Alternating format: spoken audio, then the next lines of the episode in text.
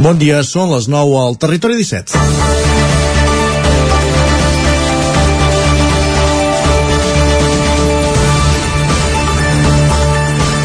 L'exconseller d'Empresa i Coneixement Jordi Baget serà el nou director general de la Fundació Universitària Balmes, l'òrgan rector de la Universitat de Vic. El patronat de l'ENS, presidit per l'alcaldessa de Vic, Anna R, es va reunir ahir per aprovar, entre d'altres, aquesta decisió. R argumentava a la sortida del patronat que Baget compta amb un llarg bagatge en l'àmbit econòmic, al qual s'ha dedicat durant més de 30 anys, tant des de l'empresa privada com des de la docència i la recerca universitàries, com des de l'administració pública.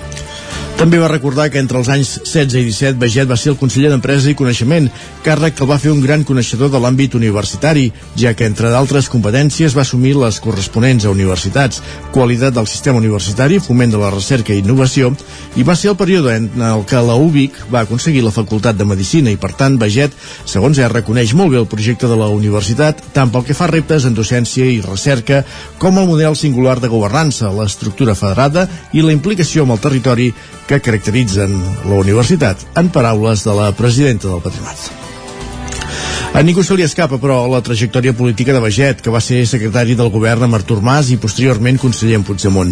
Ara bé, el patronat ha pres la decisió i ara el que toca és donar-li la confiança perquè exerceixi les seves noves funcions amb rigor i professionalitat. El primer repte és arribar a un acord amb el govern pel conveni i programa que ha de garantir el finançament d'aquest model universitari híbrid públic-privat i, el que, i, que fins ara, i que el fins ara director general Joan Torró ha explicat que ha deixat embastat.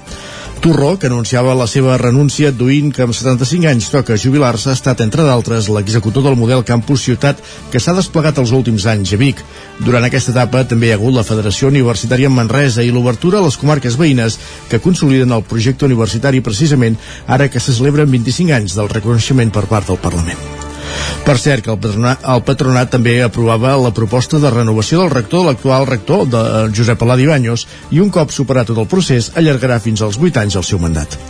Les figures que regiran la universitat els propers anys estan definides. Ara cal seguir com avança un projecte singular que ha permès situar Vic dins el mapa universitari i ha contribuït també al seu desenvolupament com a ciutat. La setmana passada escoltàvem els ex-rectors participants en una taula rodona i el repte d'Assum de Fargues d'arribar a ser universitat pública. El temps i la gestió ho diran. És dijous, 19 de maig de 2022. Comença el Territori 17 a la sintonia de la veu de Sant Joan, Ona Codinenca, Ràdio Cardedeu, Ràdio Vic, el 9 FM i el 9 TV. Territori 17, amb Isaac Moreno i Jordi Sunyer.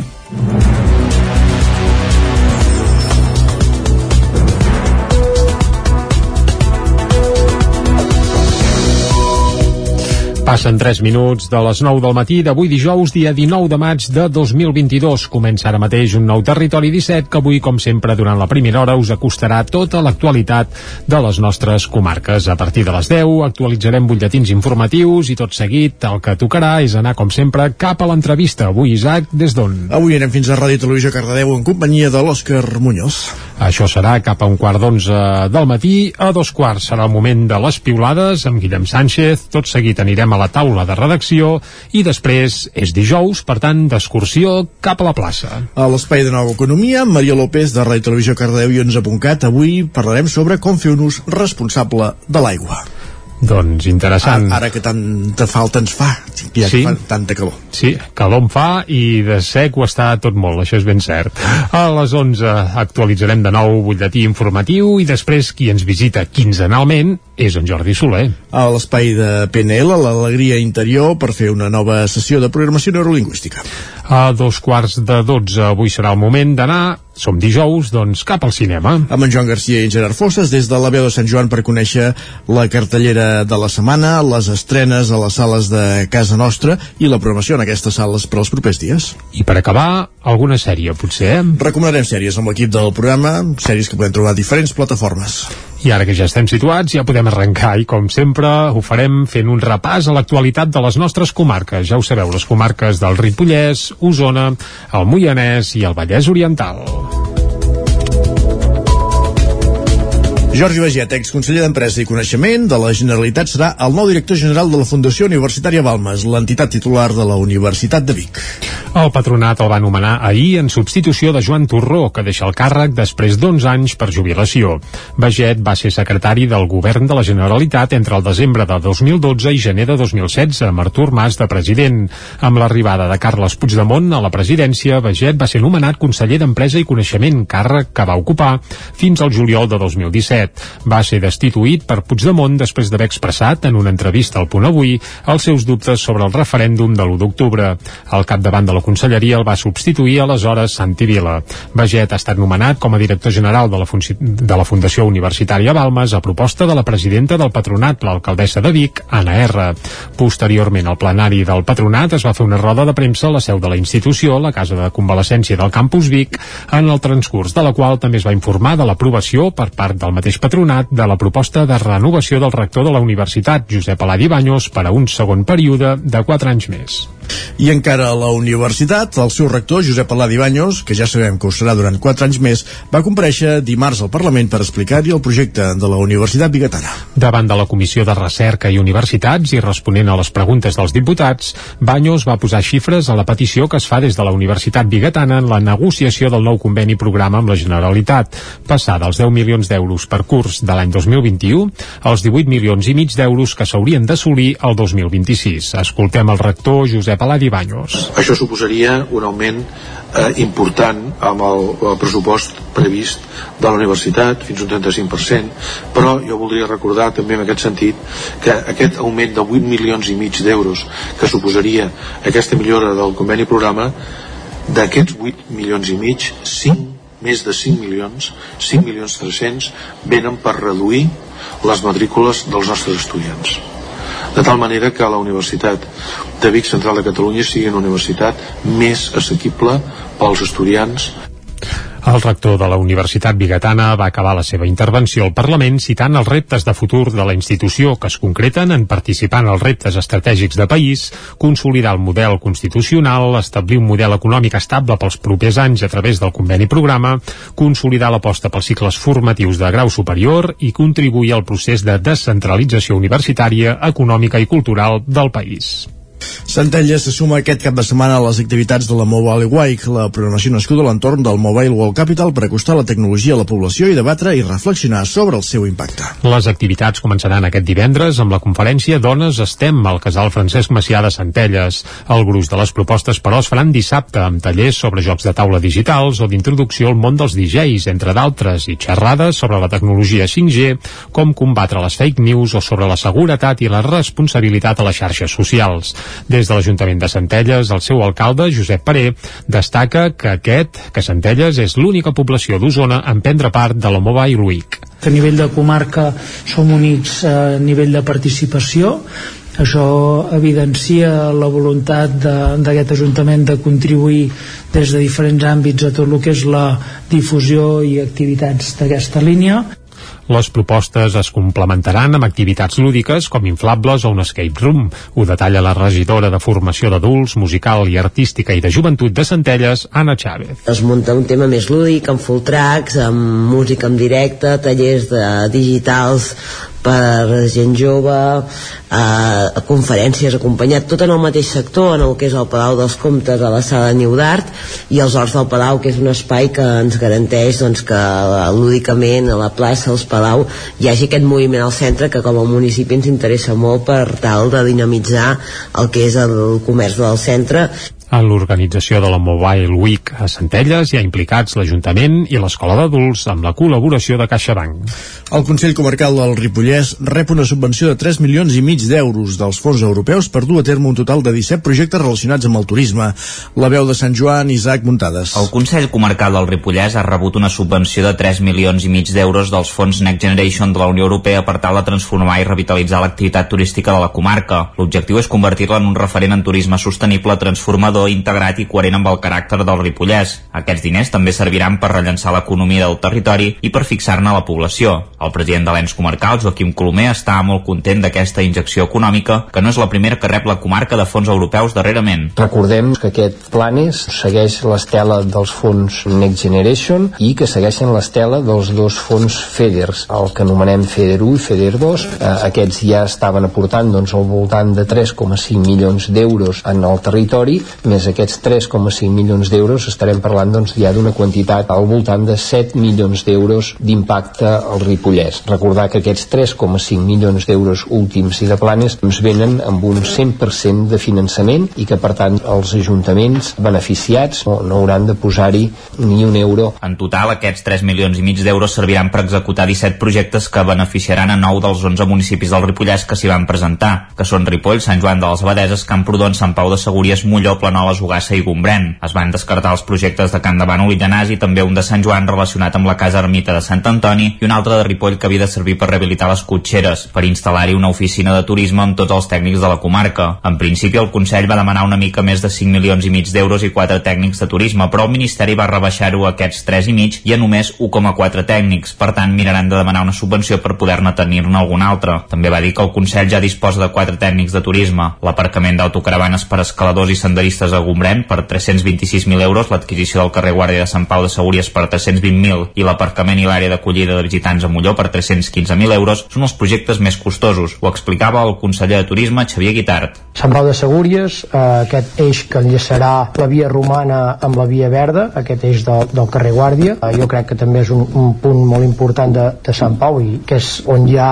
ara mateix l'Ajuntament la, de Sant Pau i que enllaçarà també amb la nova plaça que també es, es durà a terme amb el Bosch i per tant jo crec que, que és un global molt atractiu per al poble de Sant Pau. A Molló hi haurà un aparcament d'acollida, tots sabem les mancances que tenim jo crec tots els pobles del Ripollès amb el tema d'aparcaments i també el que diem, jo crec que cada dia anem més cap a intentar treure els, els aparcaments dels pobles una mica fora, intentar els vehicles fora, la gent dintre, això hi tindrà un aparcament amb carregadors elèctrics. Pel que fa a Gombrèn, a Gombrèn sí que parlem pàrquing d'autocaravanes que estarà vinculat al lloc d'escalada que tots sabeu que tenim, dos punts importants jo m'atreviria a dir, eh? Potser risc una mica però de Catalunya, lloc d'escalada bastant important a nivell català i per tant fer aquest pàrquing per potser ubicar tots aquests escaladors que arriben allà. El Ripollès, juntament amb la Garrotxa i el Berguedà, és una de les tres comarques que s'ha beneficiat d'aquest planes. Entre la resta d'actuacions també destaca la interconnexió de les tres vies verdes que conflueixen amb l'estació ferroviària i la d'autobús de Ripoll, l'execució d'una prova pilot per monitorar la generació de residus al sector turístic de Sant Joan, la digitalització de l'espai museístic de la colònia Lleudet, la construcció d'un aparcament dissuasiu al camp de la vila a Camprodon o un rocòdrom a l'exterior d'una paret del pavelló Ugassa. I del Ripollès cap al Vallès, perquè Caldes de Montbui bat el seu propi rècord en l'àmbit de la recollida selectiva de deixalles. El 2021 va arribar al 56,6%, la xifra més alta en 20 anys. Ona Codinenca, que era el campàs. El 56,6% de les deixalles que es van generar a Caldes el 2021 es van recollir de forma selectiva, en el que és el percentatge més alt registrat als últims 20 anys i que supera el 50% que la Unió Europea s'havia fixat com a objectiu per al 2020. L'Ajuntament Calderí ha fet pública aquesta dada coincidint amb la commemoració el passat 17 de maig del Dia Mundial del Reciclatge. Segons dades de la Regidoria de Serveis Municipals, l'any passat cada calderí va generar 531 quilos de deixalles. D'aquests es van enviar a circuits de reciclatge un total de 270,4 quilos per habitant. És una dada molt similar a la registrada al 2022, que van ser 269 quilos per habitant i significativament superior a les dades d'abans de la pandèmia. El 2019 el total de deixalles per habitant va ser de 519 quilos, dels quals 232,5 per habitants es van recollir de forma selectiva. Les mateixes dades apunten que el vidre és el que més i millor es recicla. L'any passat s'estima que es va reciclar un 80% del residu de vidre generat a les llars del municipi. En termes absoluts, el 2021 es van recuperar 21,8 quilos de vidre per persona, mentre que el 2020 la quantitat va ser de 23,4. La fracció orgànica és el segon residu que més es recull als contenidors calderins. L'any passat, aproximadament un 60% dels residus d'aquesta categoria van anar a parar correctament al contenidor marró. En total, 91,9 quilos de restes orgàniques per persona, xifra lleugerament inferior als 96,5 quilos del 2020. El podi el completa el paper i el cartró, del qual el 2021 es va recuperar correctament el 50% del total, 36,1 quilos per persona. D'altra banda, també és significatiu el descens continuat de deixalles ampolles recollides al contenidor gris, el de rebuig. L'any passat es van recollir en aquests contenidors 230,5 quilos d'escombraries per habitant, gairebé la meitat del que s'hi recollia fa dues dècades. I a Osona, Manlleu, neix la cervesa Com Beer, impulsada per tres joves de la Garriga. Ocupen les instal·lacions de la desapareguda Pilster, al carrer Rossinyol. Inspirats en el terme ciclista Kings of the Mountain, KOT, com els Reis de la Muntanya, ha començat a pedalar la Com Beer, una cervesera artesana impulsada per tres joves de la Garriga que han ocupat les instal·lacions de la desapareguda Pilster, al carrer Rossinyol de Manlleu. Albert Raurell, Aleix Forts i Adrià Grau van començar com a cervesers al principi de la pandèmia. La bona acceptació que van tenir els primers tastos els va animar a seguir experimentant fins que va arribar un punt que van fer un pensament i a finals de l'any passat van començar a buscar local per muntar la seva microcerveseria. La intenció inicial era quedar-se a l'entorn de la Garriga. Aleix Forts, per exemple, és fill del centenari bar La Plaça, però van saber que a Manlleu es llogava la nau de la cervesa Pilster amb els manlleuencs Enric Martínez i Abel Garolera, eh, que havien estat al capdavant de la cervesera durant 10 anys i van saber que es traspassava. De seguida es van entendre i aquest febrer ja van entrar al local, que de mica en mica han anat adaptant a les seves noves necessitats. Les cerveses com Beer eh, ja han sortit al mercat amb dues grans línies de producció, una de més bàsica amb tres models estables, la Golden Ale, Marzen i Stout, i que serveixen en ampolla, i una de més experimental amb tota una gamma de doble IPA, un subestil més intens de les clàssiques que envasen en llauna.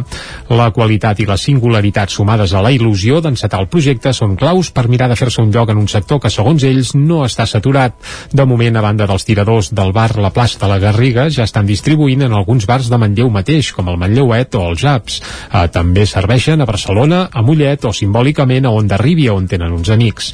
Avui dijous, per cert, a les 7 de la tarda faran la inauguració oficial del renovat local, on puntualment també tenen previst organitzar-hi cursos o tastos especialitzats.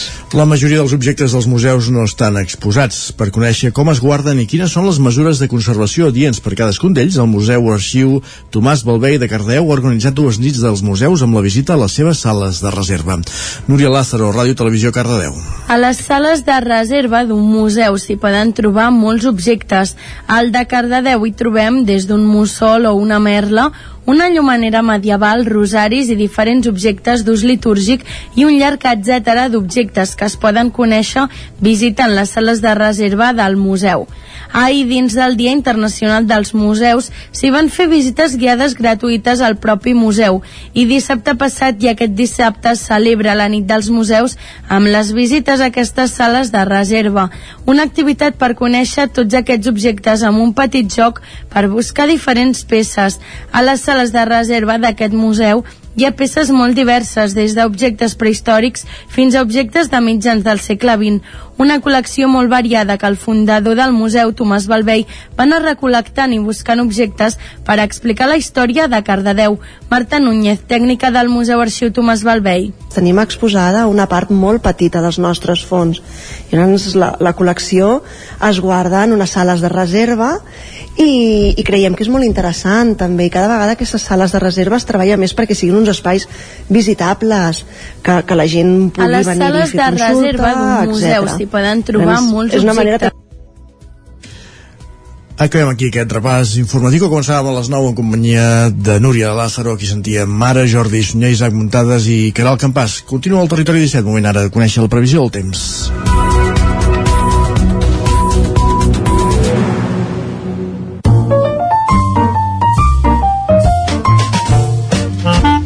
Casa Terradellos us ofereix el temps. Una previsió que ens acosta cada dia en Pep Acosta, que el tenim ben acalorat aquests dies. El saludem ja. Bon dia, Pep. Molt bon dia. Salut, salut. Què tal? Bé. Uh, dijous ja. Uh -huh. Va avançant la setmana. Correcte. Van passant els dies. I el que no es mou és aquesta situació de temperatures altíssimes que estem tenint durant tota aquesta setmana. Ahir, per això, vam tenir una petita una petita novetat. Eh, aquestes tempestes que van afectar el nord del Ripollès, el, el Pirineu van deixar eh, entre 10 i 20 litres a la zona de, de de Ter, a la zona eh, més septentrional de les nostres comarques, a la zona més elevada també, vaig dir que hi havia, hi havia la possibilitat i, i uh, la vaig encertar bastant, eh, això, això uh, vull, vull recordar que ho vaig encertar bastant uh, però bueno mm, hauria d'haver pogut a moltes més hores òbviament i ja si hagués pogut afluixar una mica aquesta calor que ahir va tornar a ser bastant intensa, havent tornat a tenir temperatures molt més altes del normal en un dia de mitjans de maig. I avui es torna a repetir la jugada.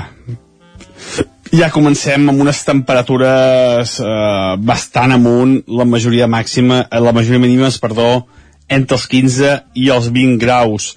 Hi ha una mica més de núvols prims, una mica més de, de nuvolositat i també hi ha més pols en suspensió.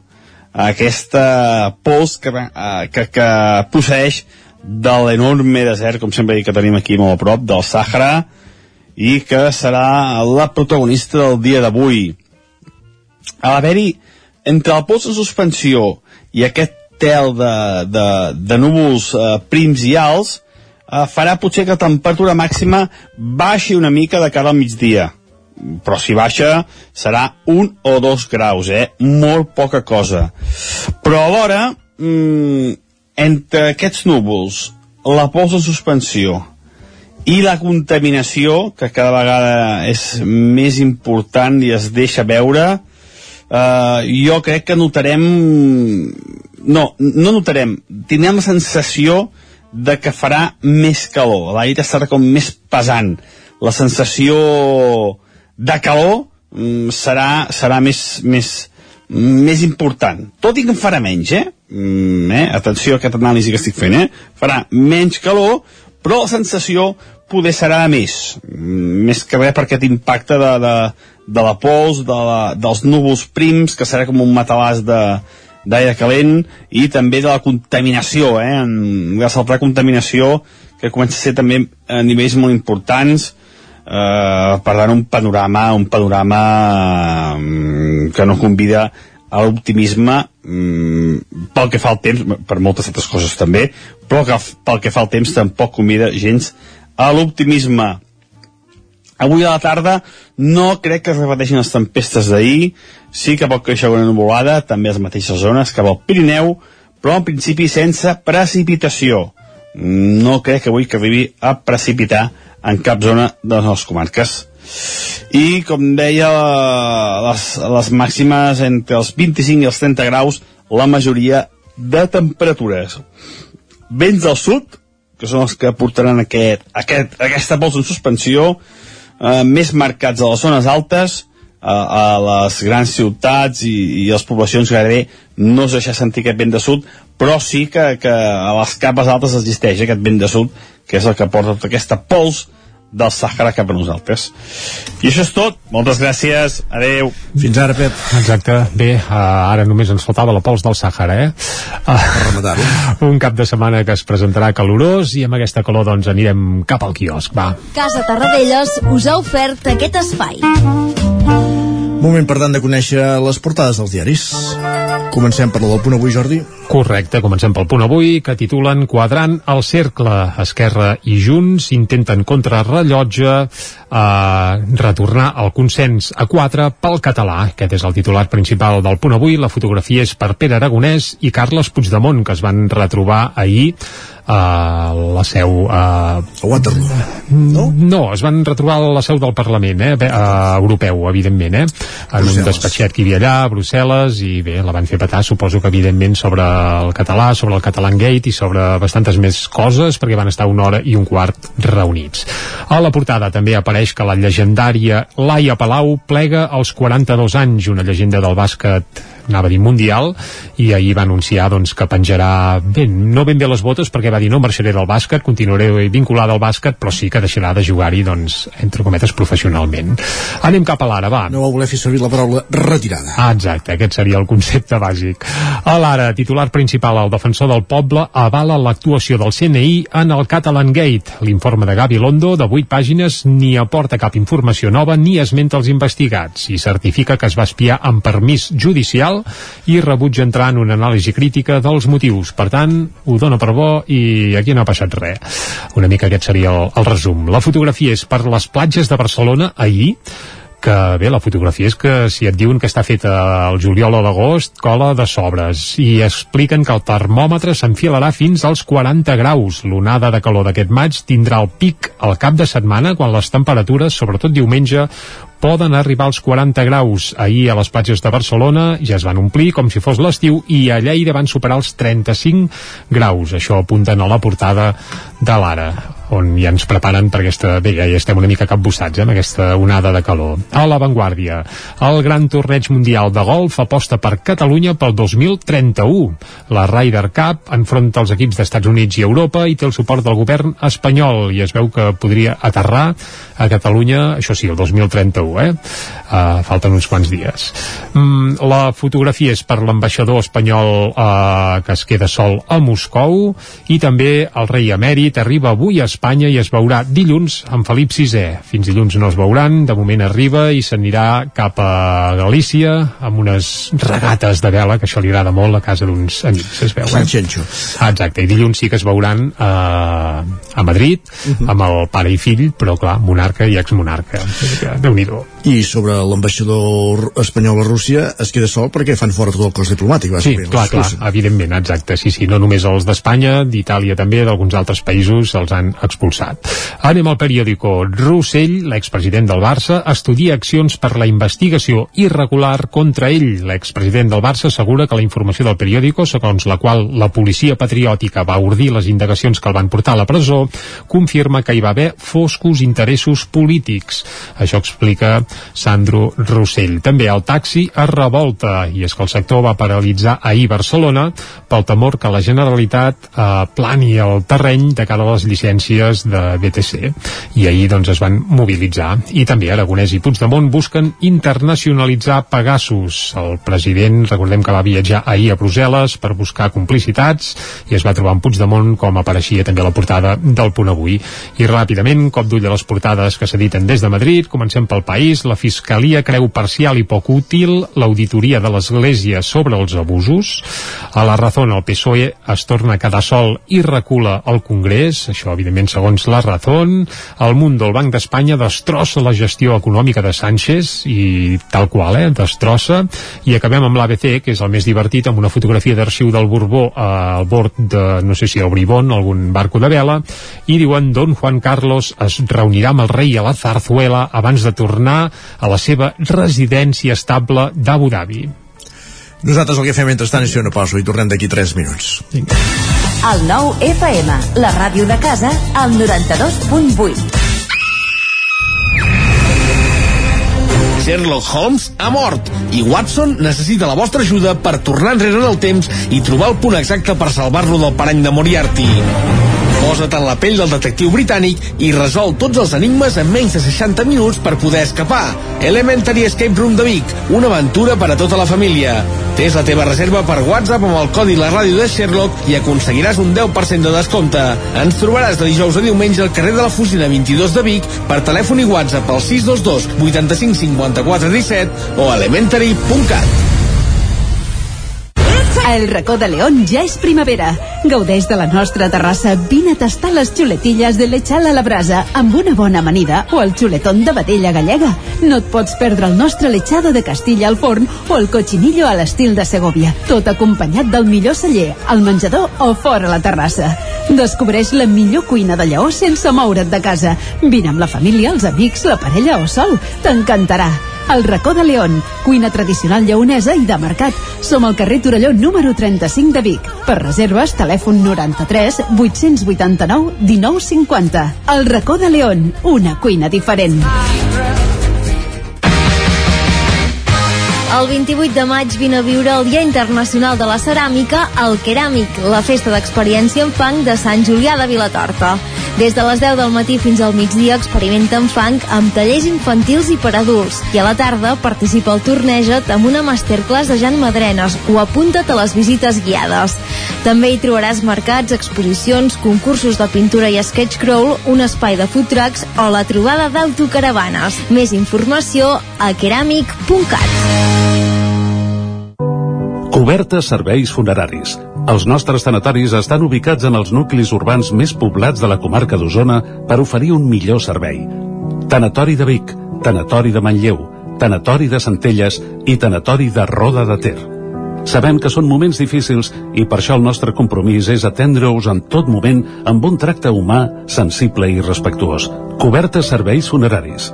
Telèfon 24 hores 93 883 23 46. El nou FM, la ràdio de casa, al 92.8. Anuncia't al 9 FM. La màquina de casa. 9 3 8 8 9 4 9 4 9. Publicitat arroba al 9fm.cat. Anuncia't al 9 FM. La publicitat més eficaç. El 9 FM, el 9 FM, el 9 FM, el 9 FM, el 9 FM. En punt, dos quarts de deu al territori 17. Territori 17, amb Isaac Moreno i Jordi Sunyer.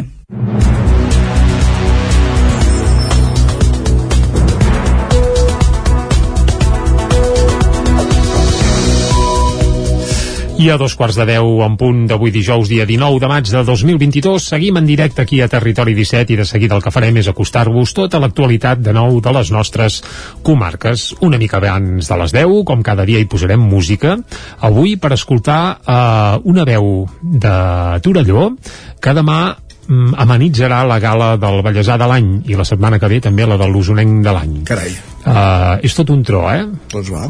Però no direm res més, va. Abans de les 10 descobrirem qui és i sabrem de quin peu calça, però ja avancem que és rockero. Uh, més coses, va, a les 10 actualitzarem de nou el butlletí informatiu i després de passar a saludar en Pep Acosta per conèixer la previsió meteorològica anirem cap a l'entrevista. Avui, des de Ràdio Televisió Cardedeu, amb l'Òscar Muñoz per afrontar temes d'actualitat de, de Cardedeu. A dos quarts d'onze serà el moment de les piulades, tot seguit anirem a la taula de redacció i després cap a la plaça. L'espai de Nova Economia amb Maria López de Ràdio Televisió Cardedeu i 11.cat avui per parlar sobre com fer un ús responsable de l'aigua. A les 11 arribaran de nou les notícies, actualitzant butlletins informatius i tot seguit qui ens visitarà serà en Jordi Soler. A l'Alegria Interior, la sessió de PNL que cada 15 dies ens fa, com deies, en Jordi Soler. A la darrera mitja hora, el que farem, com que és dijous, és anar al cinema. Amb en Joan Garcia i en Gerard Fosses des de la veu de Sant Joan per conèixer les estrenes, la cartellera a les sales de cinema de casa nostra, des d'ara fins dijous de la setmana vinent, que de fet és quan tornarem a repetir la, la secció. I per acabar, com sempre, alguns consells per mirar sèries a televisió o plataformes, eh? Correcte. Uh -huh. Doncs va, ja tenim el menú servit, ara el que toca és seguir, i seguirem, com sempre, acostant-vos l'actualitat de casa nostra, de casa vostra, ja ho sabeu, l'actualitat de les comarques del Ripollès, Osona, el Moianès i el Vallès Oriental. Jordi Baget, exconseller d'Empresa i Coneixement de la Generalitat, serà el nou director general de la Fundació Universitària Balmes, l'entitat titular de la Universitat de Vic. El patronat el va anomenar ahir en substitució de Joan Torró, que deixa el càrrec després d'11 anys per jubilació. Baget va ser secretari del govern de la Generalitat entre el desembre de 2012 i gener de 2016, amb Artur Mas de president. Amb l'arribada de Carles Puigdemont a la presidència, Baget va ser nomenat conseller d'Empresa i Coneixement, càrrec que va ocupar fins al juliol de 2017. Va ser destituït per Puigdemont després d'haver expressat en una entrevista al Punt Avui els seus dubtes sobre el referèndum de l'1 d'octubre. Al capdavant de la conselleria el va substituir aleshores Santi Vila. Baget ha estat nomenat com a director general de la, de la Fundació Universitària Balmes a proposta de la presidenta del patronat, l'alcaldessa de Vic, Anna R. Posteriorment, al plenari del patronat es va fer una roda de premsa a la seu de la institució, la casa de convalescència del campus Vic, en el transcurs de la qual també es va informar de l'aprovació per part del mateix patronat de la proposta de renovació del rector de la universitat, Josep Aladi Baños, per a un segon període de 4 anys més. I encara a la universitat, el seu rector, Josep Aladi Baños, que ja sabem que ho serà durant 4 anys més, va compareixer dimarts al Parlament per explicar-hi el projecte de la Universitat Bigatana. Davant de la Comissió de Recerca i Universitats i responent a les preguntes dels diputats, Baños va posar xifres a la petició que es fa des de la Universitat Bigatana en la negociació del nou conveni programa amb la Generalitat, passar dels 10 milions d'euros per curs de l'any 2021 als 18 milions i mig d'euros que s'haurien d'assolir el 2026. Escoltem el rector Josep Aladi Banyos. Això suposaria un augment eh, important amb el, el pressupost previst de la universitat, fins un 35%, però jo voldria recordar també en aquest sentit que aquest augment de 8 milions i mig d'euros que suposaria aquesta millora del conveni programa, d'aquests 8 milions i mig, 5 més de 5 milions, 5 milions 300 venen per reduir les matrícules dels nostres estudiants. De tal manera que la Universitat de Vic Central de Catalunya sigui una universitat més assequible pels estudiants el rector de la Universitat Bigatana va acabar la seva intervenció al Parlament citant els reptes de futur de la institució que es concreten en participar en els reptes estratègics de país, consolidar el model constitucional, establir un model econòmic estable pels propers anys a través del conveni programa, consolidar l'aposta pels cicles formatius de grau superior i contribuir al procés de descentralització universitària, econòmica i cultural del país. Centelles se suma aquest cap de setmana a les activitats de la Mobile Week, la programació nascuda a l'entorn del Mobile World Capital per acostar la tecnologia a la població i debatre i reflexionar sobre el seu impacte. Les activitats començaran aquest divendres amb la conferència Dones Estem al casal Francesc Macià de Centelles. El gruix de les propostes, però, es faran dissabte amb tallers sobre jocs de taula digitals o d'introducció al món dels DJs, entre d'altres, i xerrades sobre la tecnologia 5G, com combatre les fake news o sobre la seguretat i la responsabilitat a les xarxes socials. Des de l'Ajuntament de Centelles, el seu alcalde, Josep Paré, destaca que aquest, que Centelles, és l'única població d'Osona en prendre part de la Mobile Week. Que a nivell de comarca som únics a nivell de participació, això evidencia la voluntat d'aquest Ajuntament de contribuir des de diferents àmbits a tot el que és la difusió i activitats d'aquesta línia les propostes es complementaran amb activitats lúdiques com inflables o un escape room. Ho detalla la regidora de formació d'adults, musical i artística i de joventut de Centelles, Anna Chávez. Es munta un tema més lúdic, amb full tracks, amb música en directe, tallers de digitals per gent jove, eh, conferències acompanyat, tot en el mateix sector, en el que és el Palau dels Comtes a la sala Niu d'Art i els Horts del Palau, que és un espai que ens garanteix doncs, que lúdicament a la plaça, als Palau hi hagi aquest moviment al centre que com a municipi ens interessa molt per tal de dinamitzar el que és el comerç del centre en l'organització de la Mobile Week a Centelles hi ha implicats l'Ajuntament i l'Escola d'Adults amb la col·laboració de CaixaBank. El Consell Comarcal del Ripollès rep una subvenció de 3 milions i mig d'euros dels fons europeus per dur a terme un total de 17 projectes relacionats amb el turisme. La veu de Sant Joan, Isaac Muntades. El Consell Comarcal del Ripollès ha rebut una subvenció de 3 milions i mig d'euros dels fons Next Generation de la Unió Europea per tal de transformar i revitalitzar l'activitat turística de la comarca. L'objectiu és convertir-la en un referent en turisme sostenible, transformador innovador, integrat i coherent amb el caràcter del Ripollès. Aquests diners també serviran per rellençar l'economia del territori i per fixar-ne la població. El president de l'ENS comarcal, Joaquim Colomer, està molt content d'aquesta injecció econòmica, que no és la primera que rep la comarca de fons europeus darrerament. Recordem que aquest Planes segueix l'estela dels fons Next Generation i que segueixen l'estela dels dos fons FEDERS, el que anomenem FEDER 1 i FEDER 2. Eh, aquests ja estaven aportant doncs, al voltant de 3,5 milions d'euros en el territori, més aquests 3,5 milions d'euros estarem parlant doncs, ja d'una quantitat al voltant de 7 milions d'euros d'impacte al Ripollès. Recordar que aquests 3,5 milions d'euros últims i de planes ens venen amb un 100% de finançament i que per tant els ajuntaments beneficiats no, no hauran de posar-hi ni un euro. En total aquests 3 milions i mig d'euros serviran per executar 17 projectes que beneficiaran a 9 dels 11 municipis del Ripollès que s'hi van presentar, que són Ripoll, Sant Joan de les Abadeses, Camprodon, Sant Pau de Segúries, Molló, Planoles, Ugassa i Gombrèn. Es van descartar els projectes de Can de Bànol i Llanàs i també un de Sant Joan relacionat amb la Casa Ermita de Sant Antoni i un altre de Ripoll que havia de servir per rehabilitar les cotxeres, per instal·lar-hi una oficina de turisme amb tots els tècnics de la comarca. En principi, el Consell va demanar una mica més de 5 milions i mig d'euros i 4 tècnics de turisme, però el Ministeri va rebaixar-ho a aquests 3 i mig i a només 1,4 tècnics. Per tant, miraran de demanar una subvenció per poder-ne tenir-ne algun altre. També va dir que el Consell ja disposa de 4 tècnics de turisme. L'aparcament d'autocaravanes per escaladors i senderistes accionistes a Gombrèn per 326.000 euros, l'adquisició del carrer Guàrdia de Sant Pau de Segúries per 320.000 i l'aparcament i l'àrea d'acollida de visitants a Molló per 315.000 euros són els projectes més costosos. Ho explicava el conseller de Turisme Xavier Guitart. Sant Pau de Segúries, eh, aquest eix que enllaçarà la via romana amb la via verda, aquest eix del, del carrer Guàrdia, eh, jo crec que també és un, un punt molt important de, de Sant Pau i que és on hi ha ara mateix l'Ajuntament la, de Sant Pau i que enllaçarà també amb la nova plaça que també es, es durà a terme amb el Bosch i per tant jo crec que, que és un global molt atractiu per al poble de Sant Pau. A Molló hi haurà un aparcament d'acollida, tots sabem les mancances que tenim, jo crec, tots els pobles del Ripollès amb el tema d'aparcaments i també el que diem, jo crec que cada dia anem més cap a intentar treure els, els aparcaments dels pobles una mica fora, intentar els vehicles fora, la gent dintre, i tindrà un aparcament amb carregadors elèctrics. Pel que fa a Gombrèn, a Gombrèn sí que parlem pàrquing d'autocaravanes que estarà vinculat al lloc d'escalada que tots sabeu que tenim, dos punts importants jo m'atreviria a dir, eh? Potser risc una mica, però de Catalunya, lloc d'escalada bastant important a nivell català i per tant fer aquest pàrquing per poder ubicar tots aquests escaladors que arriben allà. El Ripollès, juntament amb la Garrotxa i el Berguedà, és una de les tres comarques que s'ha beneficiat d'aquest planes. Entre la resta d'actuacions també destaca la interconnexió de les tres vies verdes que conflueixen amb l'estació ferroviària i la d'autobusos de Ripoll, l'execució d'una prova pilot per monitorar la generació de residus al sector turístic de Sant Joan, la digitalització de l'espai museístic de la colònia Lleudet, la construcció d'un aparcament dissuasiu al camp de la vila a Camprodon o un rocòdrom a l'exterior d'una paret del pavelló Ugassa.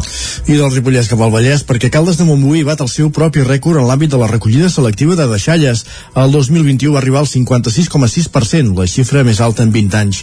Ona Codinenca, que era el campàs. El 56,6% de les deixalles que es van generar a Caldes el 2021 es van recollir de forma selectiva, en el que és el percentatge més alt registrat als últims 20 anys i que supera el 50% que la Unió Europea s'havia fixat com a objectiu per al 2020. L'Ajuntament Calderí ha fet pública aquesta dada coincidint amb la commemoració el passat 17 de maig del Dia Mundial del Reciclatge. Segons dades de la Regidoria de Serveis Municipals, l'any passat cada calderí va generar 531 quilos de deixalles. D'aquests es van enviar a circuits de reciclatge un total de 270,4 quilos per habitant. És una dada molt similar a la registrada al 2022, que van ser 269 quilos per habitant i significativament superior a les dades d'abans de la pandèmia. El 2019 el total de deixalles per habitant va ser de 519 quilos, dels quals 232,5 per habitants es van recollir de forma selectiva. Les mateixes dades apunten que el vidre és el que més i millor es recicla. L'any passat s'estima que es va reciclar un 80% del residu de vidre generat a les llars del municipi. En termes absoluts, el 2021 es van recuperar 21,8 quilos de vidre per persona, mentre que el 2020 la quantitat va ser de 23,4. La fracció orgànica és el segon residu que més es recull als contenidors calderins. L'any passat, aproximadament un 60% dels residus d'aquesta categoria van anar a parar correctament al contenidor marró. En total, 91,9 quilos de restes orgàniques per persona, xifra lleugerament inferior als 96,5 quilos del 2020. El podi el completa el paper i el cartró, del qual el 2021 es va recuperar correctament el 50% del total, 36,1 quilos per persona. D'altra banda, també és significatiu el descens continuat de deixalles recollides al contenidor gris, el de rebuig. L'any passat es van recollir en aquests contenidors 230,5 quilos d'escombraries per habitant, gairebé la meitat del que s'hi recollia fa dues dècades. I a Osona, Manlleu, neix la cervesa Convir, impulsada per tres joves de la Garriga. Ocupen les instal·lacions de la desapareguda Pilster, al carrer Rossinyol. Inspirats en el terme ciclista Kings of the Mountain, KOT, com els Reis de la Muntanya, ha començat a pedalar la Com Beer, una cervesera artesana impulsada per tres joves de la Garriga que han ocupat les instal·lacions de la desapareguda Pilster, al carrer Rossinyol de Manlleu. Albert Raurell, Aleix Forts i Adrià Grau van començar com a cervesers al principi de la pandèmia. La bona acceptació que van tenir els primers tastos els va animar a seguir experimentant fins que va arribar un punt que van fer un pensament i a finals de l'any passat van començar a buscar local per muntar la seva microcerveseria. La intenció inicial era quedar-se a l'entorn de la Garriga. Aleix Forts, per exemple, és fill del centenari bar La Plaça, però van saber que a Manlleu es llogava la nau de la cervesa Pilster amb els manlleuencs Enric Martínez i Abel Garolera, eh, que havien estat al capdavant de la cervesera durant 10 anys i van saber que es traspassava.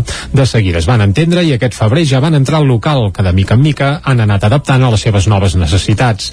Les cerveses com Beer eh, ja han sortit al mercat amb dues grans línies de producció, una de més bàsica amb tres models estables, la Golden Ale, Marzen i Stout, i que serveixen en ampolla, i una de més experimental amb tota una gamma de doble IPA, un sopestil més intens de les clàssiques que en basen en llauna. La qualitat i la singularitat sumades a la il·lusió d'encetar el projecte són claus per mirar de fer-se un lloc en un sector que, segons ells, no està saturat. De moment, a banda dels tiradors del bar La Plaça de la Garriga, ja estan distribuint en alguns bars de Manlleu mateix, com el Manlleuet o el Japs. Eh, també serveixen a Barcelona, a Mollet o simbòlicament a Onda Rívia, on tenen uns amics. Avui dijous, per cert, a les 7 de la tarda faran la inauguració oficial del renovat local, on puntualment també tenen previst organitzar-hi cursos o tastos especialitzats. La majoria dels objectes dels museus no estan exposats. Per conèixer com es guarden i quines són les mesures de conservació adients per cadascun d'ells, el Museu Arxiu Tomàs Balvei de Cardeu ha organitzat dues nits dels museus amb la visita a les seves sales de reserva. Núria Lázaro, Ràdio Televisió Cardedeu. A les sales de reserva d'un museu s'hi poden trobar molts objectes. Al de Cardedeu hi trobem des d'un mussol o una merla, una llumanera medieval, rosaris i diferents objectes d'ús litúrgic i un llarg etcètera d'objectes que es poden conèixer visitant les sales de reserva del museu. Ahir, dins del Dia Internacional dels Museus, s'hi van fer visites guiades gratuïtes al propi museu i dissabte passat i aquest dissabte celebra la nit dels museus amb les visites a aquestes sales de reserva. Una activitat per conèixer tots aquests objectes amb un petit joc per buscar diferents peces. A les sales de reserva d'aquest museu hi ha peces molt diverses, des d'objectes prehistòrics fins a objectes de mitjans del segle XX. Una col·lecció molt variada que el fundador del museu, Tomàs Balvei, va anar recol·lectant i buscant objectes per explicar la història de Cardedeu. Marta Núñez, tècnica del Museu Arxiu Tomàs Balvei. Tenim exposada una part molt petita dels nostres fons. Llavors la, la col·lecció es guarda en unes sales de reserva i, i creiem que és molt interessant també i cada vegada aquestes sales de reserva es treballa més perquè siguin uns espais visitables que, que la gent pugui A les venir sales i fer de consulta, reserva d'un museu s'hi poden trobar Doncs molts és una manera objectes. Acabem aquí aquest repàs informatiu que començàvem a les 9 en companyia de Núria Lázaro, aquí sentíem Mare, Jordi Sunyer, Isaac Muntades i Caral Campàs. Continua el territori 17, moment ara de conèixer la previsió del temps.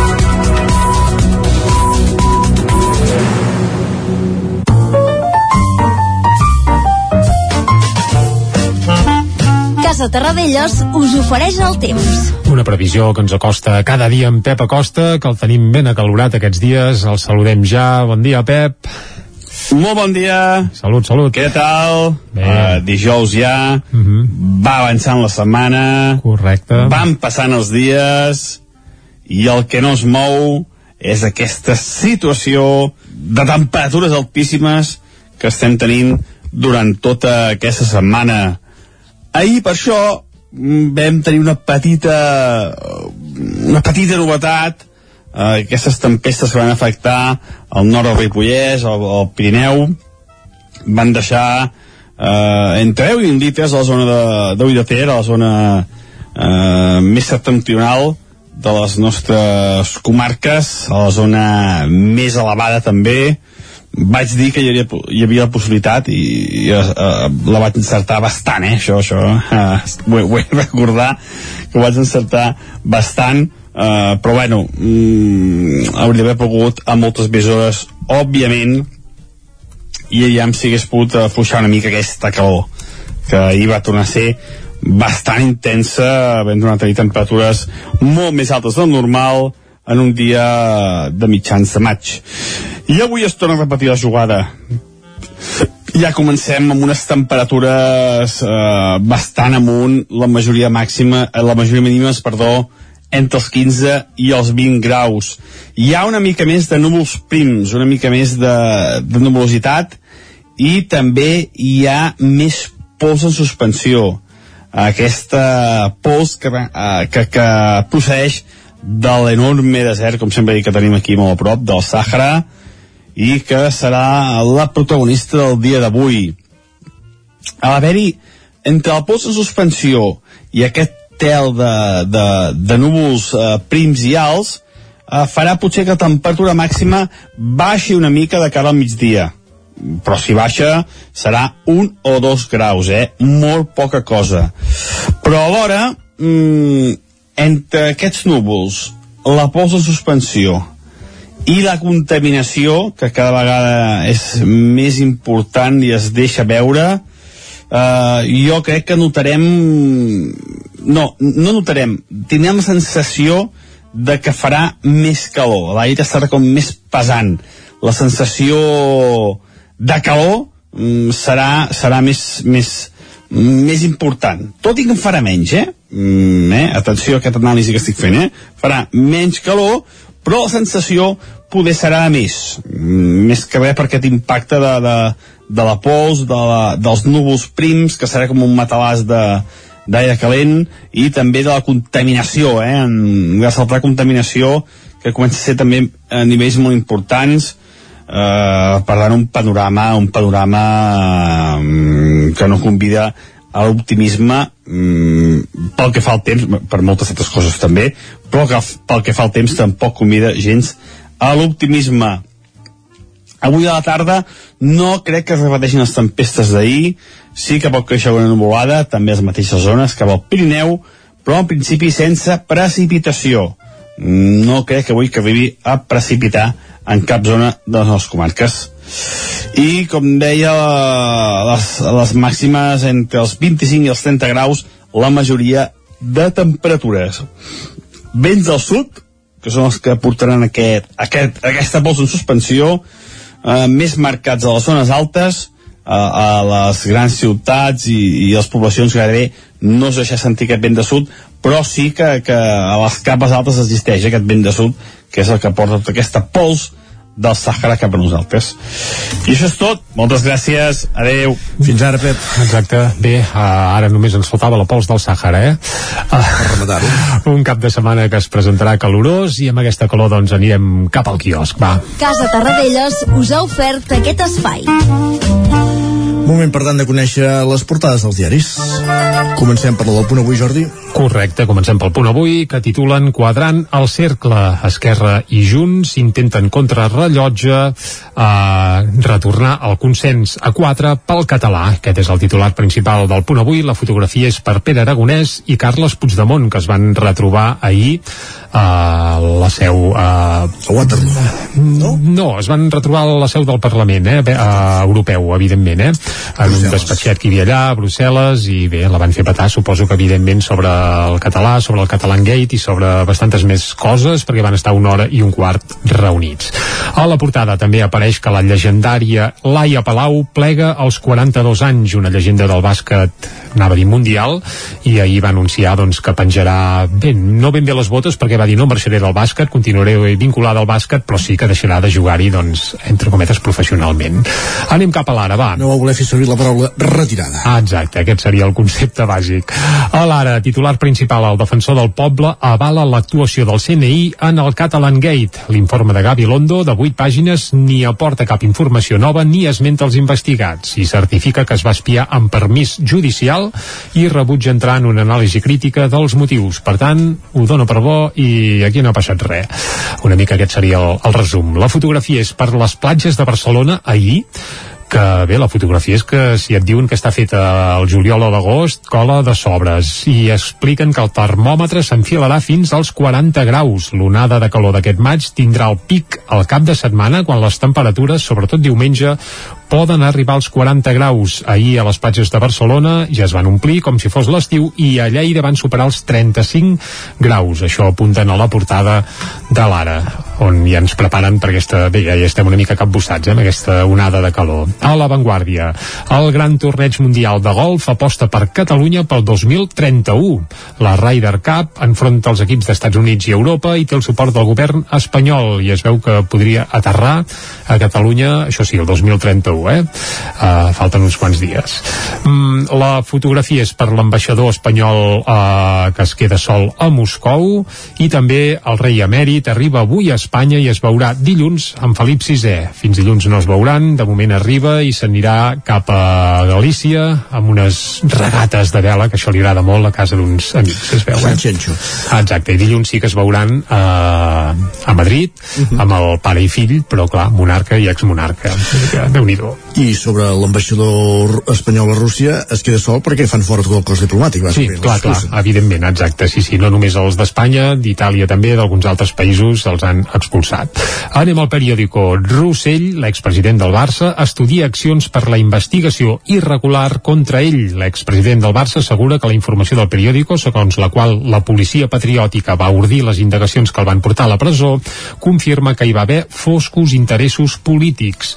Això explica Sandro Rossell. També el taxi es revolta i és que el sector va paralitzar ahir Barcelona pel temor que la Generalitat eh, plani el terreny de cara a les llicències de BTC i ahir doncs es van mobilitzar i també Aragonès i Puigdemont busquen internacionalitzar Pegasus. El president, recordem que va viatjar ahir a Brussel·les per buscar complicitats i es va trobar amb Puigdemont com apareixia també a la portada del punt avui. I ràpidament, cop d'ull a les portades que s'editen des de Madrid, comencem pel país, la Fiscalia creu parcial i poc útil l'auditoria de l'Església sobre els abusos. A la raó el PSOE es torna a quedar sol i recula al Congrés, això evidentment segons la raó. El Mundo, el Banc d'Espanya, destrossa la gestió econòmica de Sánchez i tal qual, eh, destrossa. I acabem amb l'ABC, que és el més divertit, amb una fotografia d'arxiu del Borbó al bord de, no sé si el Bribón, algun barco de vela, i diuen Don Juan Carlos es reunirà amb el rei a la Zarzuela abans de tornar a la seva residència estable d'Abu Dhabi. Cert, Isaac, això de residència estable entre cometes, eh? Per sí, tant... perquè és el que deia el comunicat de la Casa Reial ahir. Correcte. Bé, la doncs ja residència està. estable ja la té a Abu Dhabi. Deu estar a punt d'aterrar per aquí, ja, bé per aquí o per allà, però... Per Galícia, però bé, no? Sí, sí, sí, en teoria a l'aeroport de Vigo i després tres dies per allà i dilluns una excursioneta cap a la capital de l'estat espanyol a veure la família. Sóc que no li deixen dormir a la sarsuela. Mm, bé, ah, serà que no hi ha dormitants, bé, tant és. Exacte. És que amb el Borbó hi estaríem molta estona perquè això és tot plegat un festival, ah, ja s'ho faran i segurament en veurem imatges de la ser, el seu pas per l'estat aquest cap de setmana, ara dubto que tingui els mitjans o faci de lo siento, no volverà Muntaran a hacer, o una alguna- foto i ja està. Exacte, exacte, sí, sí. Bé, va, deixem el Borbó. Lo siento, m'he equivocat, no volverà a comer. Ai, pobre home. Uh, clar, és que ja té, què, 84 anys té? No tinc ni idea. És que també... Bé, tant és. Els Uh, anys passen per tothom. anem a temes musicals. També per la que és, sí, sí, sí, sí, sí, anem a temes musicals, va. Uh, per combatre els temes borbònics, perquè el que escoltarem, ja estem escoltant ara mateix de fons, és una cançó d'Aerosmith, Dream On, una de les meves preferides. no, no, no, no has parlat d'algú de Torelló, ja. ja Sí, sí, és Ah, que eh. té truc, té truc. Ah, qui no la canta l'Steven Tyler, sinó que qui canta aquesta cançó és la Marta Frigola. La Marta és una cantautora de la Vall del Gès, especialitzada en fer versions de clàssics del rock eh, de tots els temps, i hem penjat aquesta primer perquè ens agrada i segon perquè la Marta posarà veu a la gala que es farà demà del Vallèsà de l'any, que es farà a Vigues i Riells, per cert, aquesta gala, i dijous que ve, per cert, també es farà la gala de l'Usonenc de l'any, en aquest cas a l'Atlàntida de Vic, i també hi haurà la Marta Frígola en directe. I per anar esmolant les eines i saber de quin peu calça la Marta, doncs avui portem una de les seves versions més celebrades, aquest Dream On d'Aerosmith, amb la seva veu, amb la seva veu autèntica. Anem-hi? Som-hi, vinga. Isn't that the way everybody's got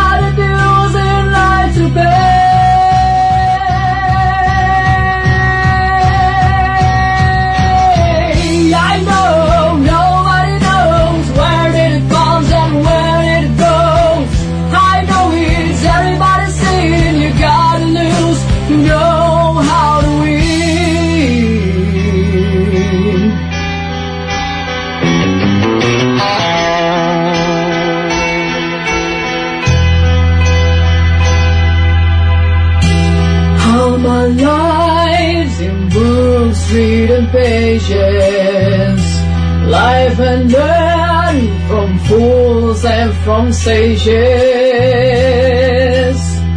You know it's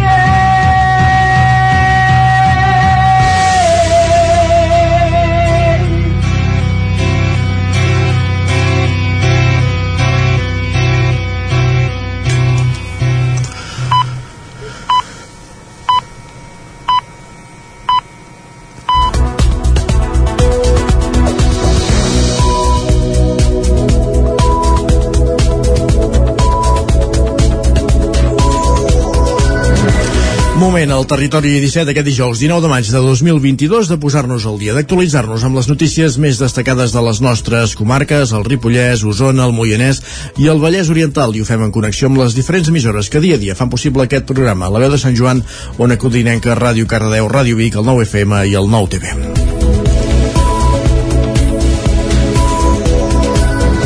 I us expliquem a aquesta hora que amb la voluntat de fer més visibles els comerços històrics de la ciutat, Vic ha sumat el projecte de la ruta dels emblemàtics desenvolupat ja en altres municipis de Catalunya.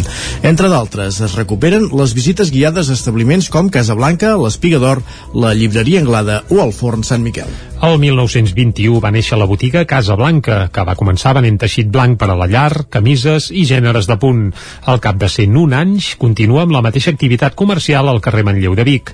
Aquesta botiga de roba és un dels 13 comerços emblemàtics de la ciutat recollits pel Fons d'Imatges del Comerç de Catalunya, en la iniciativa anomenada Ruta dels Emblemàtics. Vic vol promocionar aquestes botigues amb valor històric i patrimonial que podrien arribar a ser una vintena en total. De moment s'ha recollit la història de cadascuna en un web on també es pot fer un tour virtual i descobrir les curiositats de cada negoci. Ho explica Bet Piella, que és la regidora de Comerç de l'Ajuntament de Vic. Tothom que estigui interessat en entrar en la ruta dels emblemàtics, si compleix aquestes característiques, evidentment ha de ser històric, doncs eh, sabem que n'hi ha que encara no hi són, nosaltres des de l'Ajuntament paguem directament a aquesta persona que anirà a fer les fotografies, el vídeo, les entrevistes i per tant cada vegada serem, serem més en aquesta llista de, dels emblemàtics. Un dels que ja és a la llista és la històrica Casa Blanca. Carles Molist n'és el seu responsable. l'esforç de tirar endavant un negoci tingui 5 anys o en tingui 100, és igual, és molt important. Llavors, doncs, mira, eh, eh, sentir-te recolzat de que, de que se't té en compte, doncs és, és, és gust. Aquesta campanya també permetrà gaudir d'una ruta turística per establiments com el mateix Casa Blanca, l'Espiga d'Or, la llibreria Anglada o el Forn Sant Miquel, tots els dissabtes del mes de juny. L'Ajuntament de Vic també ha recuperat la iniciativa per promoure els comerços sostenibles de la ciutat, que va començar el Nadal del 2019 abans de la pandèmia. Per ser reconeguts amb el distintiu Objectiu Zero, han de complir tres dels següents cinc requisits. Els detalla Bet Piella. No poden utilitzar bosses de plàstic d'un sol ús.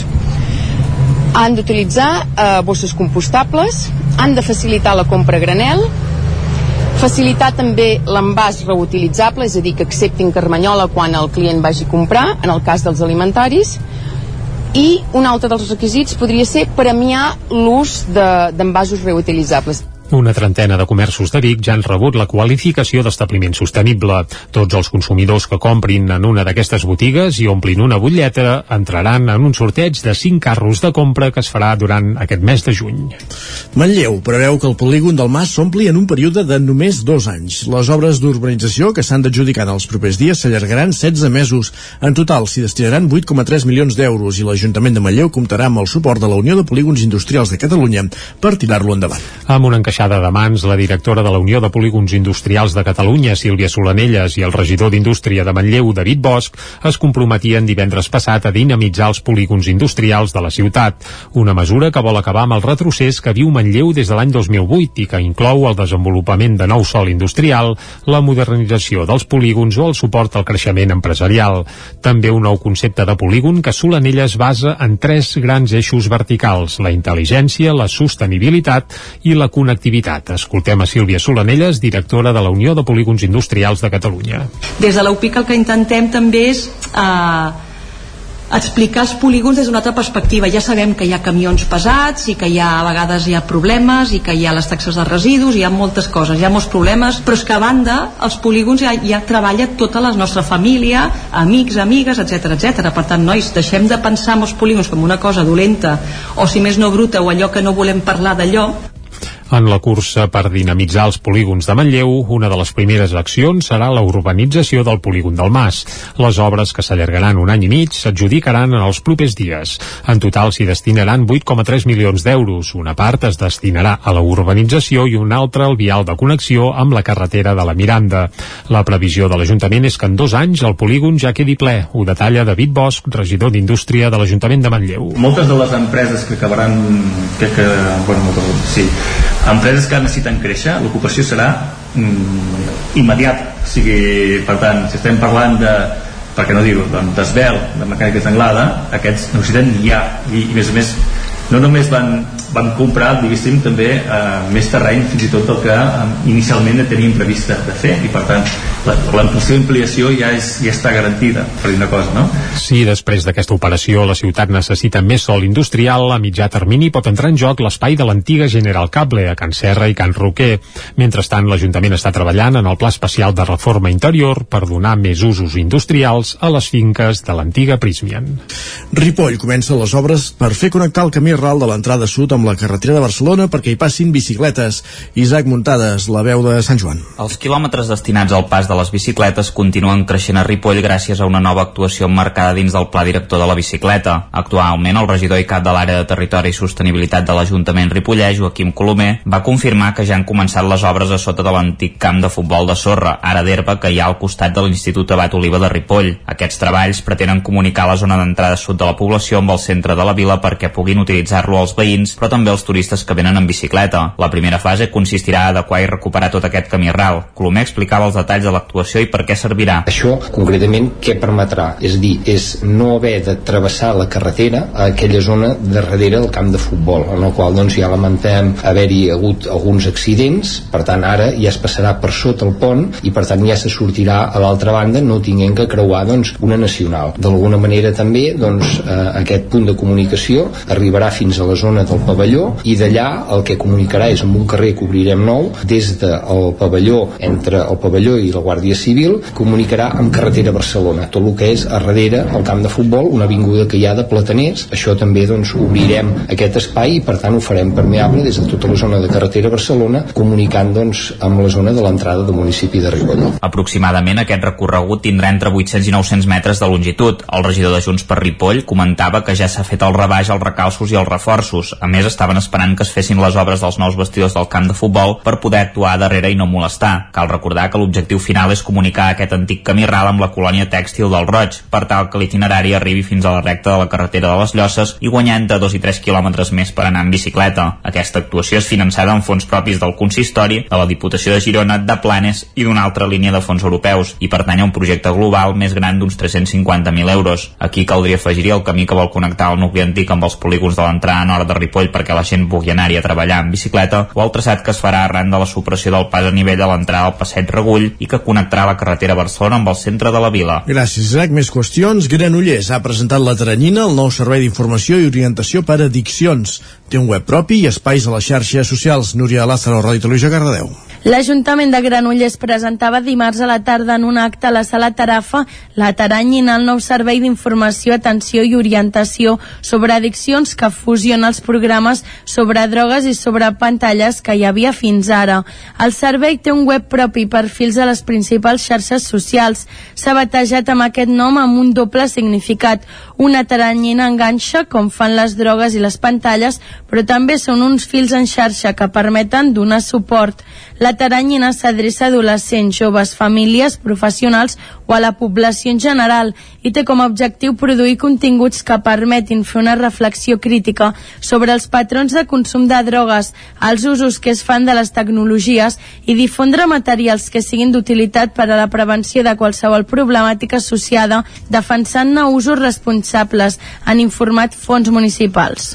Més qüestions, tornem a Osona perquè l'empresa de material d'escalada Fixe Climbing de Sant Quirze de Besora impulsa una campanya pionera per donar un nou ús a les cordes velles, les cordes d'escalada. Les trossegen i les converteixen en peces de plàstic injectat per a ús industrial. L'empresa de material d'escalada Fixa Climbing, amb seu a Sant Quirze de Besora, ha posat en marxa una campanya pionera per donar un nou ús a les cordes que han quedat obsoletes. Una corda d'escalada acostuma a tenir una vida útil d'uns 10 anys i fins ara els usuaris les llançaven al rebuig o al plàstic plàstic. L'empresa, però, vol aprofitar aquest material, trossejar-lo i convertir-lo en petites peces de plàstic injectat per fer-ne tot tipus de motlles per a indústries. Sota el lema Dona una nova vida a la teva corda, els escaladors i muntanyistes podran portar les seves cordes a més de 20 punts de recollida situats en botigues d'esports de tota la península. A Catalunya n'hi haurà una desena i es poden consultar al seu web. La campanya s'emmarca amb la voluntat de l'empresa d'avançar cap a un desenvolupament més sostenible i en consonància amb el medi ambient. Com a esport outdoor, l'escalada ha experimentat un creixement important en els últims anys i el confinament i la Covid-19 han contribuït a trencar l'estacionalitat de la seva pràctica. L'empresa fixa Climbing, amb més de 35 anys d'història, també ha experimentat un creixement sostingut. El 2021 va facturar més de 6 milions d'euros i enguany preveu superar aquesta xifra.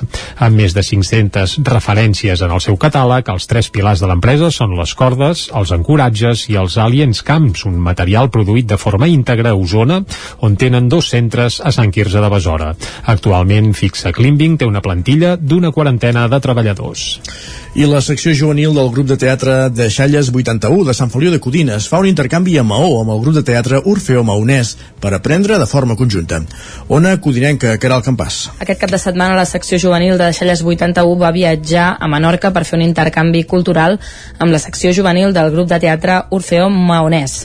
Més endavant, els menorquins visitaran Sant Feliu de Codines en motiu de la mostra de grups infantils de teatre amateur de Catalunya. En parlava en aquest sentit Josep Canet, director de Deixalles 81. Bueno, diguem, en el marc de, una mica també de les activitats de la, de la secció infantil, ai, infantil i juvenil, eh, hem fet un intercanvi amb, amb el grup d'Orfeo Maonès de Menorca, perquè, mm, bueno, una mica per facilitar això, doncs, l'intercanvi de- d'experiències, vale? i perquè els nostres han anat a Menorca i ells vindran a la, a la mostra juvenil que organitzem cada any amb la federació, és el 18 i 19 de juny, doncs llavors així ells vindran a, a actuar aquí a Sant Feliu i nosaltres hem anat a actuar allà. I bueno, hem passat un cap de setmana fantàstic amb ells eh, amb una casa de colònies i al teatre.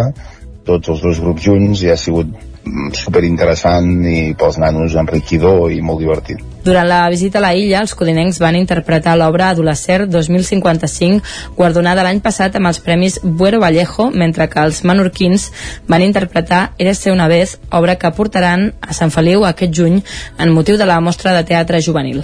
Des de Deixalles 81 van escollir representar l'obra Adolescer 2055 per la facilitat de la posada en escena, de la qual podien prescindir de grans muntatges i només havien de traslladar el vestuari. La resta del cap de setmana van fer tallers a la casa de colònies on es van allotjar. 12 minuts i que passen de les 10, acabem aquest, butlletí, aquest repàs informatiu que començàvem a les 10 en companyia de Jordi Sunyer, Núria Lázaro, Isaac Muntades i Caral Campàs, a qui ara escoltàvem, i no marxem d'Ona Codinenca perquè és moment de conèixer la previsió del temps. Casa Terradellos us ofereix el temps. Doncs vinga, a primera hora ja l'hem escoltat, en Pep Acosta ens ha anunciat que més calor i a més a més ara en pols del Sàhara inclosa, però ara li demanarem de nou que ens actualitzi la informació meteorològica. Pep, bon dia de nou, va. Molt bon dia.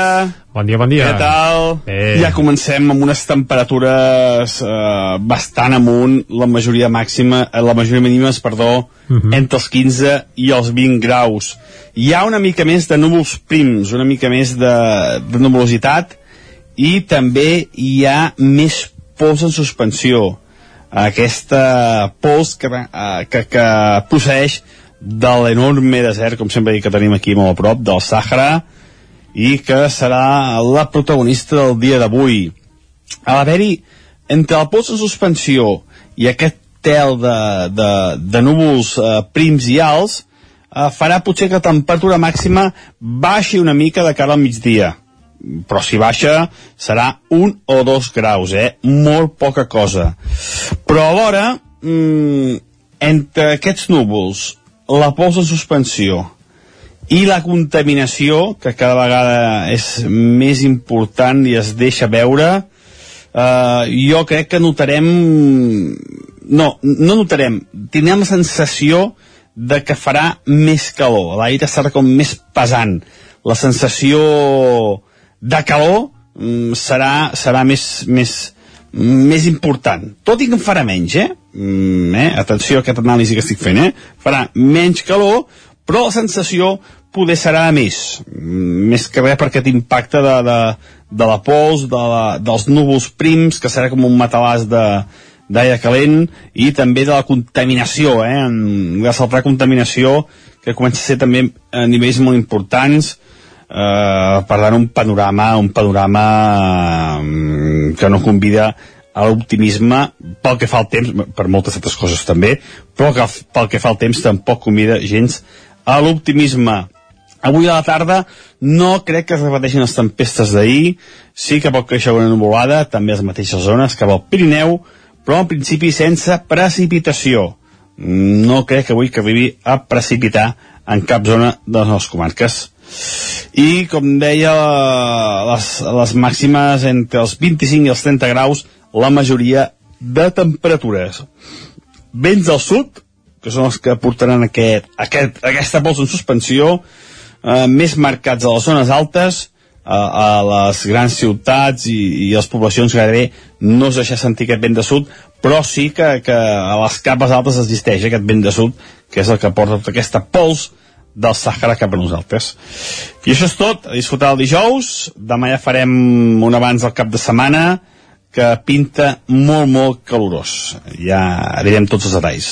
Moltes gràcies, adeu. A tu, Pep, fins demà. Vinga, el cap de setmana ja sabem com pinta, Isaac. Calorós. Calorós. Vinga. Doncs va, d'un cap de setmana calorós el que fem és anar cap a l'entrevista. Anem-hi. Casa Tarradellas us ha ofert aquest espai.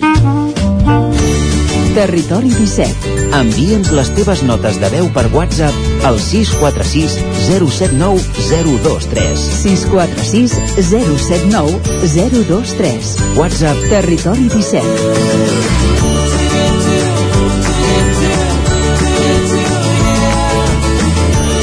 Territori 17. Som a Facebook, Twitter i Instagram amb l'usuari Territori 17.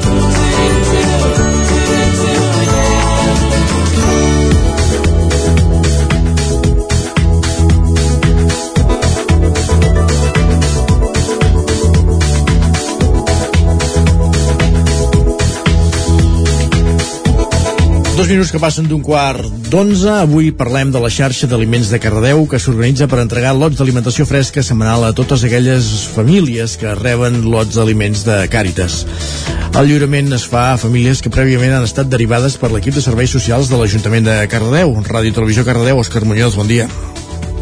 Bon dia, Isaac. Doncs avui tenim a l'estudi a l'Agnès Ribas de la xarxa de come- de- d'aliments de, de Cardedeu doncs perquè ens expliquin totes aquestes funcions que realitzen i que doncs, potser no les tenim massa vistes i això, podríem descobrir aquesta feina que estan realitzant cada setmana. Bon dia, Agnès. Bon dia. Primer tot, explica'ns quina és la funció de la xarxa d'aliments de- d'aquí Cardedeu. Bé, la xarxa d'aliments d'aquí Cardedeu eh, el que fem és donar lots d'aliments frescos, verdures, fruites, eh, un cop al mes a famílies necessitades de, tant de Cardedeu com de Cabanovas que, tinc, que vagin a través dels, ser, dels serveis socials de, dels dos ajuntaments Com i quan? Perquè... Ah, sí. eh? Perdó? Perdó, no, perdona, Agnès, no, de, des de quan No. esteu treballant?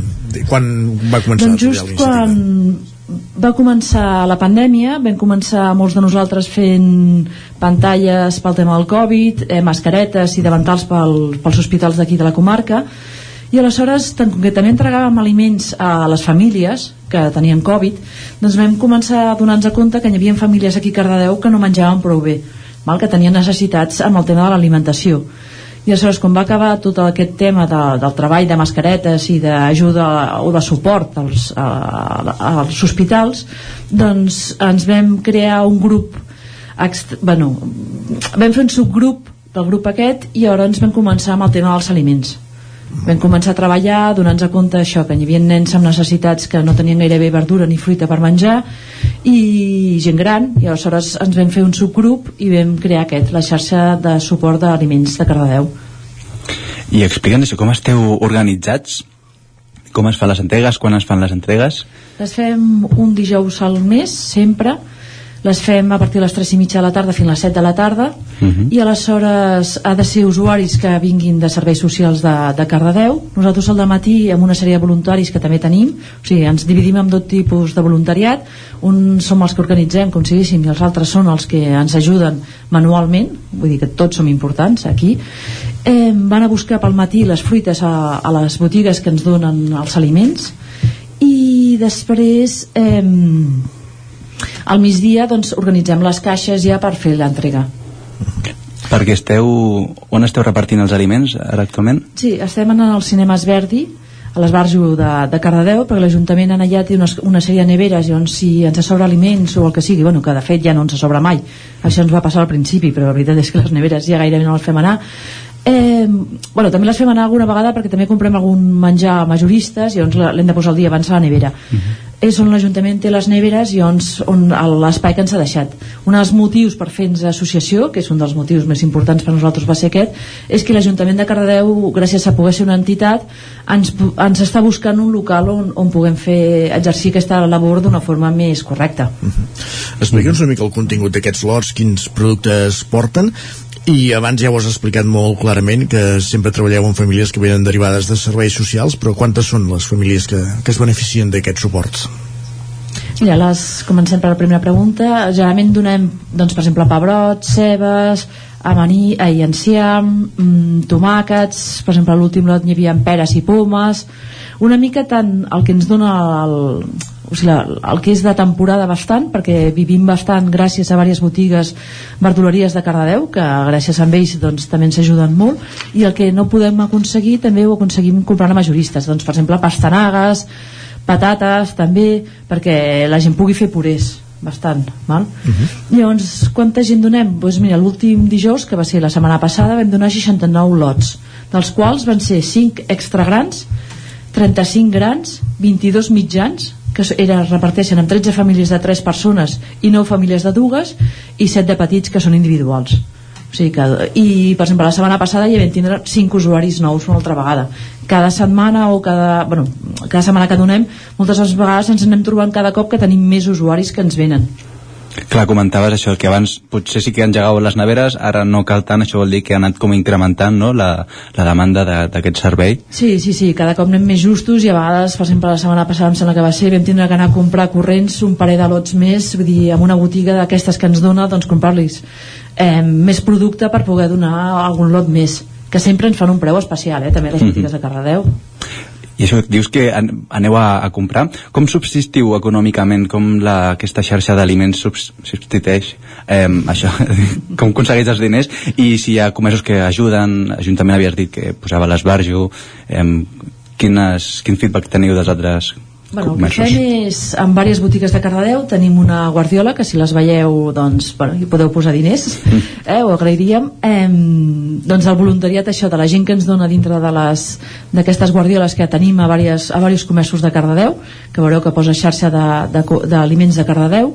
I després doncs, de voluntaris anònims que ens tenen dit que quan necessitem quan anem molt justos que ens posen diners i bueno, que molts de nosaltres ja també ens hem fet socis de l'associació vull dir que ja podem rebre, com que ja som una associació ja podem rebre diners. Per tant tenim gent que ens dona mensualment ja un tant fixe el qual també agraïm molt perquè ens fa viure una miqueta més tranquils. I fent associació també ens servirà a nosaltres per poder eh, rebre ajuts de part de l'Ajuntament de Cardedeu com el de Cànoves perquè venen de les dues poblacions i això per poder tenir una compta bancària on puguem fer ingressos de la gent que ens està començant a col·laborar perquè abans era amb negre o anaven directament a la caixa i ara ja podem tenir uns certs diners guardats per, per, bueno, per, per no tenir els baixos val? Abans parlaves de la importància de la xarxa de voluntaris amb la que esteu organitzats, que teniu a, a l'entitat. Eh, com us organitzeu, valgui la redundància? Mm, tenim dos grups de WhatsApp un som uns 12 que som els que organitzem com si els que fem les reunions i, i per exemple jo vinc aquí a xerrar, un altre porta la compta bancària un altre sap els ingressos de la gent vull dir, som els que organitzem més però està obert a tothom que vulgui vull dir que això és transparent en aquest sentit vull dir que qualsevol persona que vulgui estar a organització estarà a organització i després de voluntaris per donar els aliments i anar a buscar els aliments tenim uns 35 que cada setmana que anem a donar els aliments posem en el grup que aquesta setmana ens toca, que qui pot anar al matí, qui pot anar a la tarda i la gent s'organitza, hi ha gent que ve matí i tarda, hi ha gent que ve una setmana, hi ha gent que ve una altra setmana i també és totalment obert i qui vulgui participar amb nosaltres doncs solament ens ho de dir sense... Com, pot, com pot ajudar la gent? Exacte.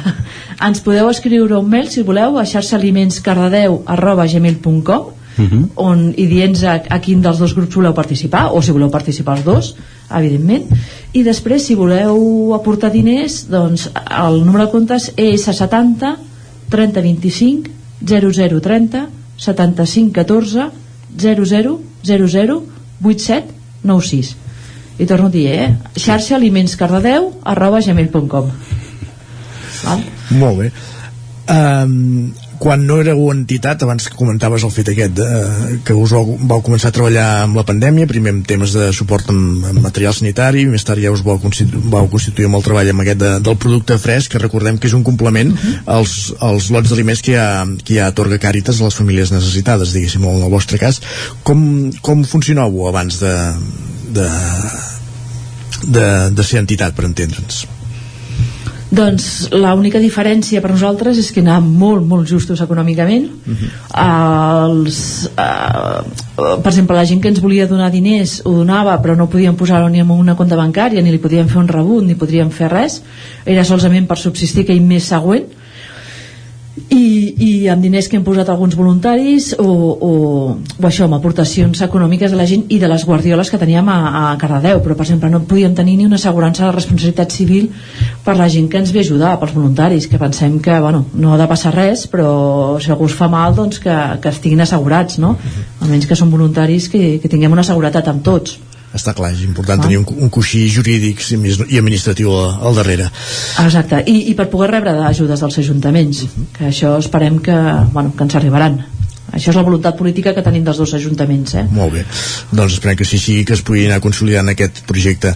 Agnès Ribes de la xarxa d'aliments de Cardedeu gràcies per ser avui al territori 17 i endavant amb la iniciativa moltes gràcies a vosaltres per fer-nos públics i res, ja sabeu on estem. Gràcies, bon adeu-siau gràcies Òscar, bon parlem d'aquí una estona també a vosaltres Ara. Nosaltres avancem al territori 17 fem una petita pausa per la publicitat i tornem de seguida amb la resta de continguts d'aquest matí de dijous 19 de maig. Som a l'equador del programa. Tot seguit les pilades amb en Guillem Sánchez. Passarem per la taula de redacció i acabarem aquesta segona hora a la plaça parlant de l'ús responsable de l'aigua. Amb 11.cat i la Maria López de Ràdio Televisió Cardeu. Abans però com dèiem fem una pausa i tornem d'aquí 3 minuts. Fins ara El nou FM, la ràdio de casa, al 92.8. En Santi no para de teletreballar. Per això necessites sempre la millor connexió. Si treballes fora de l'oficina, escull la millor fibra i línies mòbils amb la major cobertura 5G, com en Santi. Benvinguts a Mi Movistar. Configura-la al 1004, a Movistar.es o a les botigues amb fins a un 50% de descompte els 3 primers mesos. Perquè ara Movistar arriba a Barcelona. Movistar, la teva vida millor. Cobertes serveis funeraris. Els nostres tanatoris estan ubicats en els nuclis urbans més poblats de la comarca d'Osona per oferir un millor servei. Tanatori de Vic, Tanatori de Manlleu, Tanatori de Centelles i Tanatori de Roda de Ter. Sabem que són moments difícils i per això el nostre compromís és atendre-us en tot moment amb un tracte humà, sensible i respectuós. Cobertes serveis funeraris. Telèfon 24 hores 93 883 23 46. I quan t'imagines en el futur, què hi veus? Prefereixo pensar en què fer en el present per construir-me el futur que jo vull. Per això sé que la formació és imprescindible. Nous cicles formatius de grau superior al Seminari Vic. Formació en dietètica i en gestió d'allotjaments turístics. Tu decideixes el teu futur. Inscripcions obertes al Seminari Vic. Més info a seminarivic.cat o al 93 886 1555. A Bailan sabem que quan té una avaria a la seva caldera vol una solució ràpida. Truqui al servei tècnic oficial Bailan i els nostres tècnics vindran ràpidament a solucionar-li el problema. A més, si canvieu ara la caldera, us regalem fins a 300 euros. Truqueu al 910 77 88 77 o entreu a bailan.es. Sherlock Holmes ha mort i Watson necessita la vostra ajuda per tornar enrere en el temps i trobar el punt exacte per salvar-lo del parany de Moriarty. Posa't en la pell del detectiu britànic i resol tots els enigmes en menys de 60 minuts per poder escapar. Elementary Escape Room de Vic, una aventura per a tota la família. Fes la teva reserva per WhatsApp amb el codi La Ràdio de Sherlock i aconseguiràs un 10% de descompte. Ens trobaràs de dijous a diumenge al carrer de la Fusina 22 de Vic per telèfon i WhatsApp al 622 85 54 17 o elementary.cat. Cocodril Club. Si t'agrada la bona música dels anys 60, 70 i 80, escolta el 9 FM als matins de dissabtes i diumenges d'11 a 1.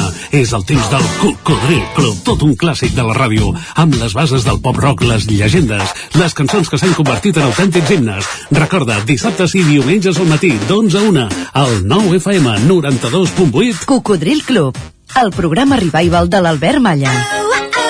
Hasta luego, cocodrilo. El 9 FM, el 9 FM, el 9 FM, el 9 FM.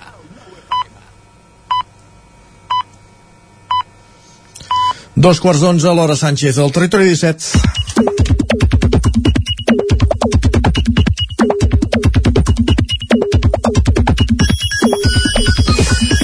I som a l'hora Sánchez és perquè tenim en Guillem Sánchez presencialment aquí als estudis del nou FM. Guillem, molt bon dia. Bon dia, què tal? Bé, cada dia ens acostes piulades per saber què cou o què bull per Twitter i avui també. Per on van els trets avui? Aviam. Recordeu que ahir vam estar parlant una mica d'aire condicionats i de què feia la gent, què no feia? Ah, exacte, ho recordem. doncs sí, sí. hi ha altres solucions i la Sílvia ens planteja avui altres dubtes al voltant d'aquesta qüestió. Ens Altres solucions per combatre la calor que no siguin l'aire condicionat. Sí, diu Va. que cada any per aquestes dates em vull instal·lar un ventilador de sostre. Cada any, un mes i poc més tard, acabo engegant l'aire condicionat. Gent que en sabeu, el ventilador de sostre em faria feina? Això ho ha llançat ella a veure si algú li responia i evidentment ha tingut respostes Iam. usuaris, diu, la diferència entre dormir o no dormir a l'estiu amb l'aire condicionat no podia dormir pel mal de coll, per tant punt per al ventilador de, de sostre o l'Olga que li escriu, sí, nosaltres teníem un aparell d'aire al menjador que l'hem tret, doncs només a un lloc del pis estava bé. Ara tenim ventiladors de sostre a les tres habitacions i cadascú el pot encendre quan vol i tots dormim fresquets. Doncs bé, sembla que potser... Que funciona el ventilador de sostre. Jo no se m'havia acudit, eh? De fet, no, no recordo haver anat a casa de ningú que tingui un ventilador de sostre, també ho he de dir. Clar, i el ventilador convencional, sí. d'aquest sí que, que ventila, però clar, el ventilador fa això, ventilar, eh, refrescar mm, seria un altre tema, però bé, bé, està bé, està bé, ens l'apuntarem. corrent, Sí, sí, segur que és més econòmic que un aire condicionat, segurament. això segur. Va, i per evitar la calor, però en aquest cas el cotxe també és important que aquest quedi protegit, per exemple, amb aquells protectors que es posen al vidre del, del davant, no sé si en teniu vosaltres Sí. amb, els, amb els cotxes. Sí. Jo ja no, ho Jo havia ja no. tingut, però... Jo recordo aquells primers de cartró que tenien una, un dibuix amb d'unes ulleres de dibuixets, sol. És correcte, sí, sí, també hi havia aquells de, de com de color platejat, Sí. amb bombolletes... D'aquests encara en gasto, sí.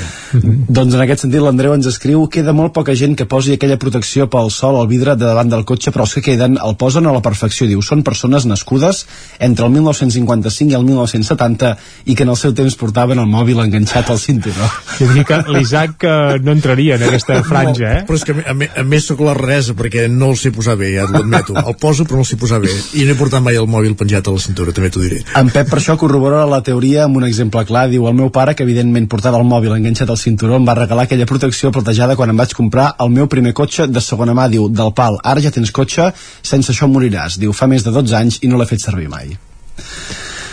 Bé, mira, Coses- que ho provi, que ho provi, escolta, per provar-ho no passa res.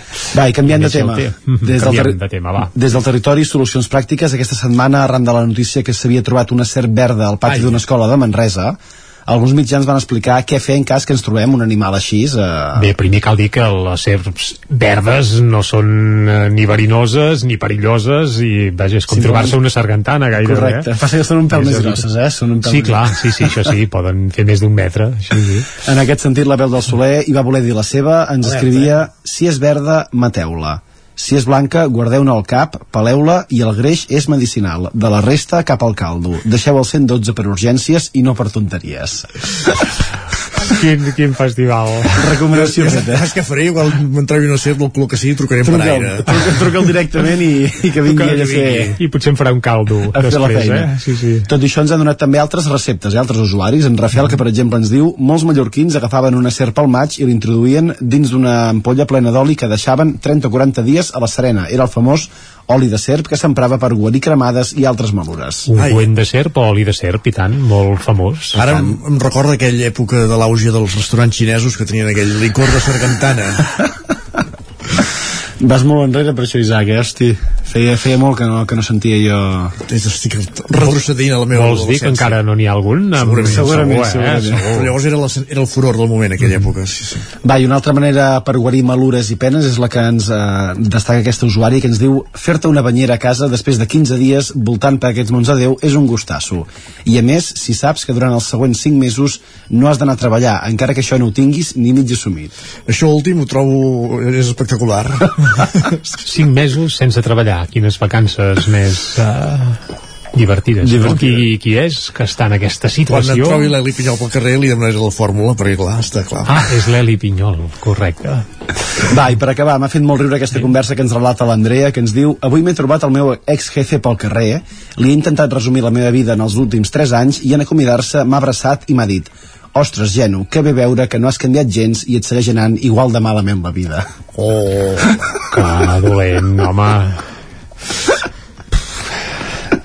Hi ha gent molt simpàtica, eh? I si és je- l'ex-jefe segurament encara em guardaràs un millor record, no? Mm, després d'això ja... Bé, tant és. Ai, evidentment no aniríem cinc mesos de vacances amb aquesta persona, eh?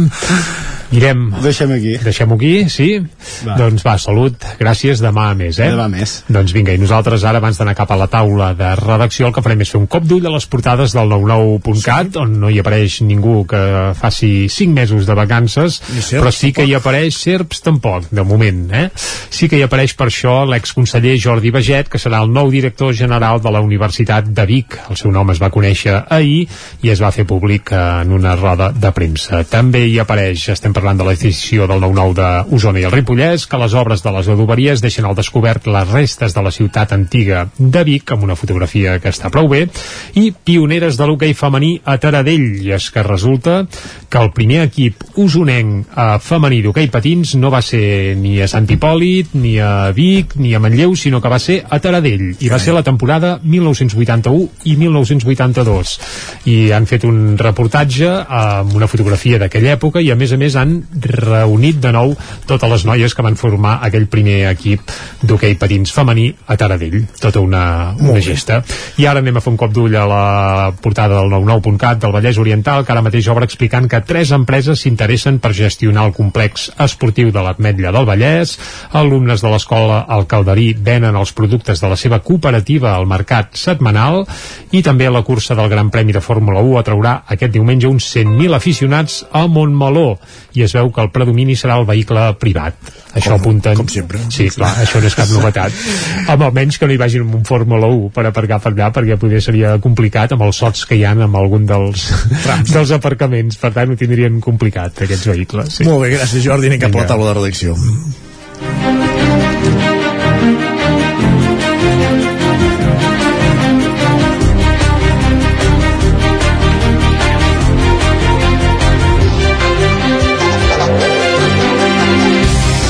Taula de redacció, avui en companyia de Jordi Vilarrodà i de Guillem Freixa. Jordi Vilarrodà, benvingut, bon dia. Hola, bon dia. Ja hi ha nou director de la Fundació Universitària Balmes, i ja veiem el primer canvi, que és que en Vilarrodà ha entrat avui a l'estudi sense papers, amb un ordinador No, a les mans. les dues coses. Ah, les dues coses. Les dues coses. Però és, és símptoma de la, de la de innovació tecnològica, també, Innovació no? tecnològica, exactament.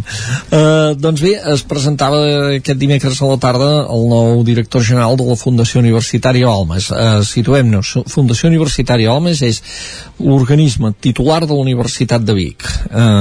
És, els patrons de la Fundació són els que regeixen. els que regeixen la universitat, eh, el presideix la Fundació l'alcaldessa de Vic, i llavors el director general és el màxim executiu de la Fundació i de la universitat té un paper molt important o sigui, no equival amb altres per exemple, en les universitats públiques de totes hi ha un gerent, hi ha una figura de direcció general no tan important com el paper que té aquí la, la figura del director general. Només posem un exemple el director general que plega o que ha plegat s'està jubilant o s'ha jubilat és en Joan Torró ha vist passar tres rectors i ell hi era o sigui, això ja diu alguna cosa. Els rectors tenen una limitació de mandats.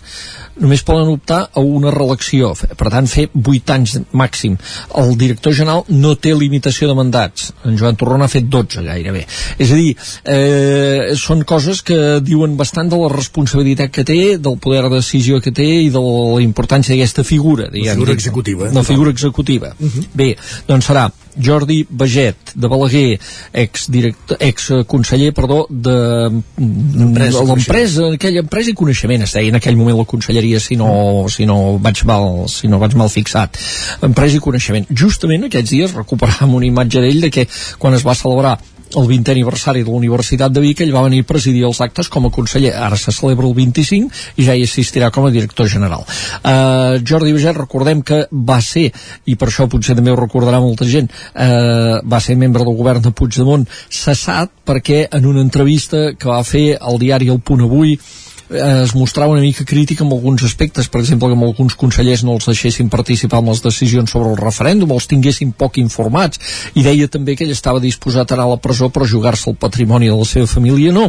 I llavors, després de tot això, l'endemà el president Puigdemont el va substituir. Per cert, el seu substitut va ser un altre que potser al final es va mostrar menys convençut que ell, perquè el va substituir i va agafar les seves competències eh, Santi Vila. Eh, vistes les coses en perspectiva eh? que tot i així també va acabar jutjat Santi Vila sí, però vaja. Sí, exacte. Eh, malgrat tot no m'ho poder evitar. Bé, de totes maneres Jordi Baget ha passat jo diria un temps de descompressió de la política prou ampli com perquè ara pugui ser acceptat per un patronat que és molt divers perquè hi ha alcaldes de signe ideològic molt diferent. Anem des de aquí que és Junts fins a Manlleu que és Esquerra, Granollers que és PSC o Berga que és uh, CUP. O sigui el patronat de la Universitat de Vic de la Fundació és molt ampli i Baget jo crec que és una persona que ara en aquests moments té un perfil d'haver estat a l'administració però molt vinculat també amb temes d'empresa, de fet ell és economista. I i, i ara mm, passat aquests, aquests anys diríem que ningú el veurà com una mena d'element polític sí que la seva experiència a l'administració li dona el coneixement de les palanques que cal activar per fer determinades coses segurament sempre es busca un perfil per càrrecs com aquest que tingui eh, bones connexions diguem, amb l'administració que sàpiga amb qui ha d'anar a parlar de què eh, i com es porten determinades coses no? mm, bé, doncs eh, aquesta és la figura doncs, que regirà la universitat eh, que la fundació perdó, la, la, fundació eh, va fer doncs, les declaracions que s'espera que faci un dia com aquest. De moment encara sense eh, molta concreció amb l'objectiu d'avançar en la negociació del conveni programa l'acord econòmic amb la Generalitat. Eh, ell va parlar d'això de reconeixement de l'estabilitat econòmica que necessita la universitat. Uh -huh. Eh, de que es reconegui la peculiaritat de la Universitat de Vic eh, que es redueixin la distància de les taxes de matrícula que paguen els estudiants d'aquí amb els de la pública etc etc etc i també importància dels, de, de la part econòmica perquè no oblidem també que el director general és també eh, qui està, que és la màxima figura de creació, que és l'agència de dinamització econòmica impulsada des de la universitat i diferents sectors econòmics. Per tant tant en aquest sentit també és una figura important.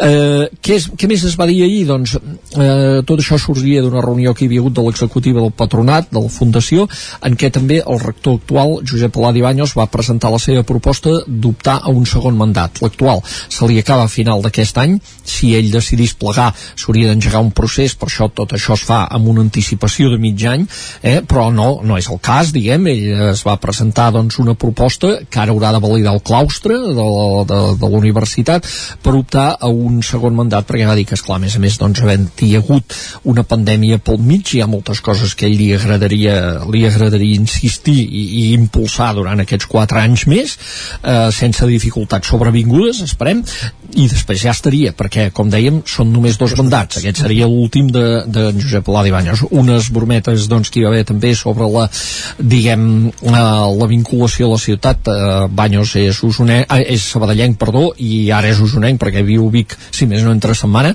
Eh, també se li va li van llançar alguna, diguem, eh, proposta en aquest sentit al, al nou director general eh, i a més a més eh, la, la connexió, diguem, eh, en Jordi Baget és de Balaguer eh, i per tant hi ha una connexió, diguem, de boira entre els dos llocs. I per l'eix transversal. La, I per l'eix transversal, les, aquestes, aquestes típiques brometes sobre la boira que es fan aquí en un Molt. moment donat. Eh, en tot cas, Jordi Baget, director general del FUP. Doncs ja anirem seguint la seva tasca a partir d'ara i com dèiem demà ja s'estrena en aquest acte del 25 aniversari de la universitat que del, de, en tot cas ja en parlarem la, la setmana vinent. Efectivament. Gràcies Jordi. Molt bé, gràcies a vosaltres. Com dèiem, continuem aquesta taula de redacció ara en companyia de Guillem Freixa per parlar d'un estudi que diu, Guillem, bon dia, Bon dia.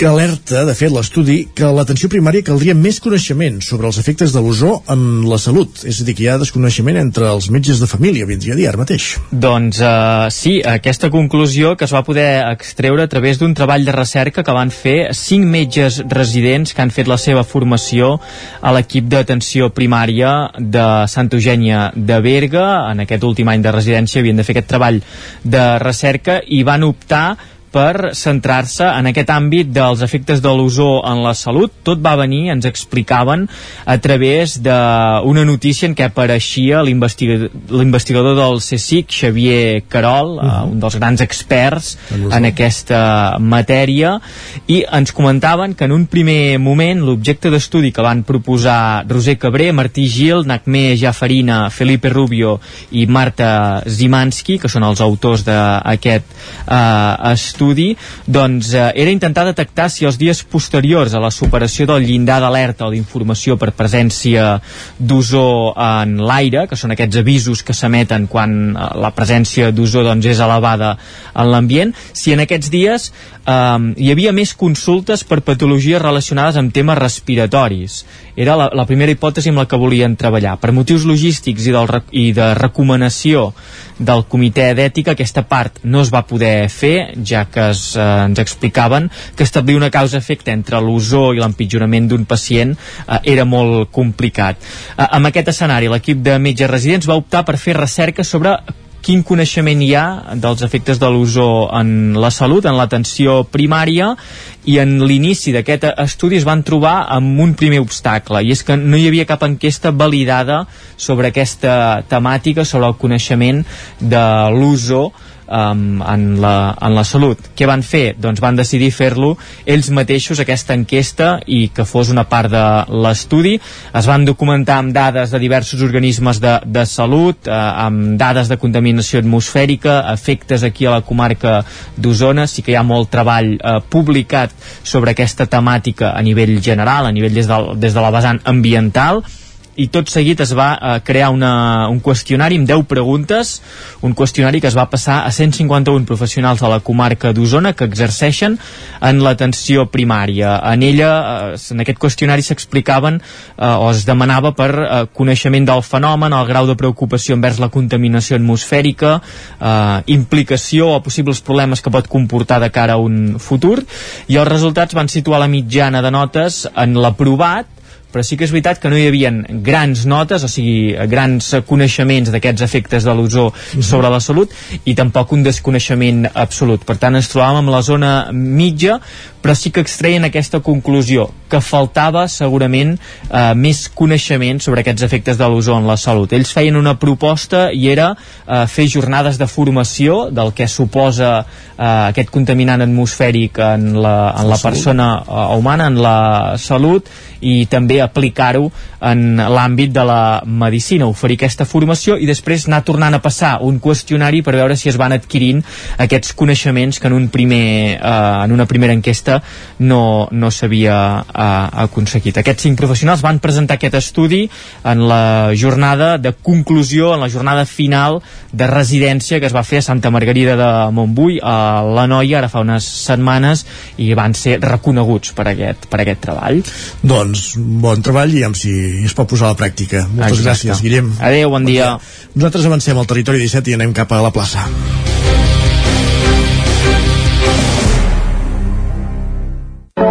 Territori 17, el 9 FM, la veu de Sant Joan, Ona Codinenca, Ràdio Cardedeu, Territori 17.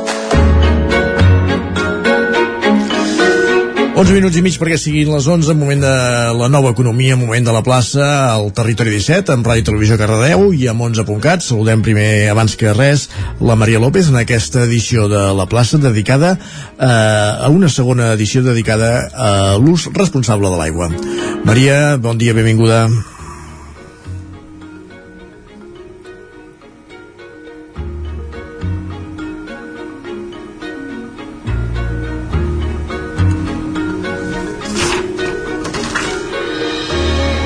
Maria?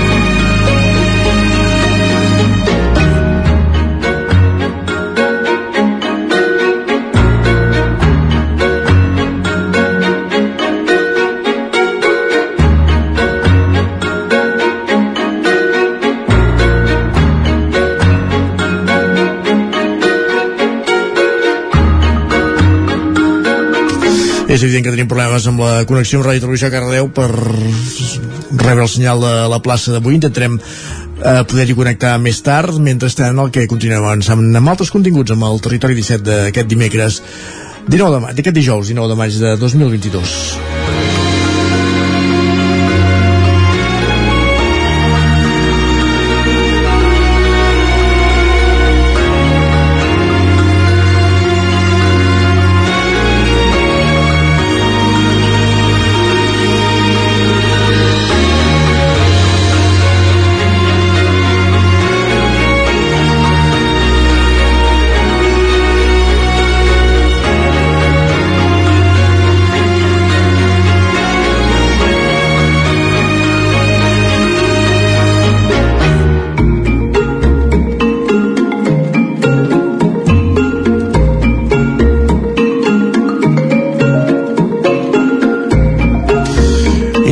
Dèiem, anar més tard a la plaça i ara que falten 8 minuts per les 11 el que fem és anar a la sessió que fem cada dijous, cada 15 dies amb en Jordi Soler de l'Alegria Interior. Territori, Territori 17. 17. Territori 17. Territori 17, amb Isaac Moreno.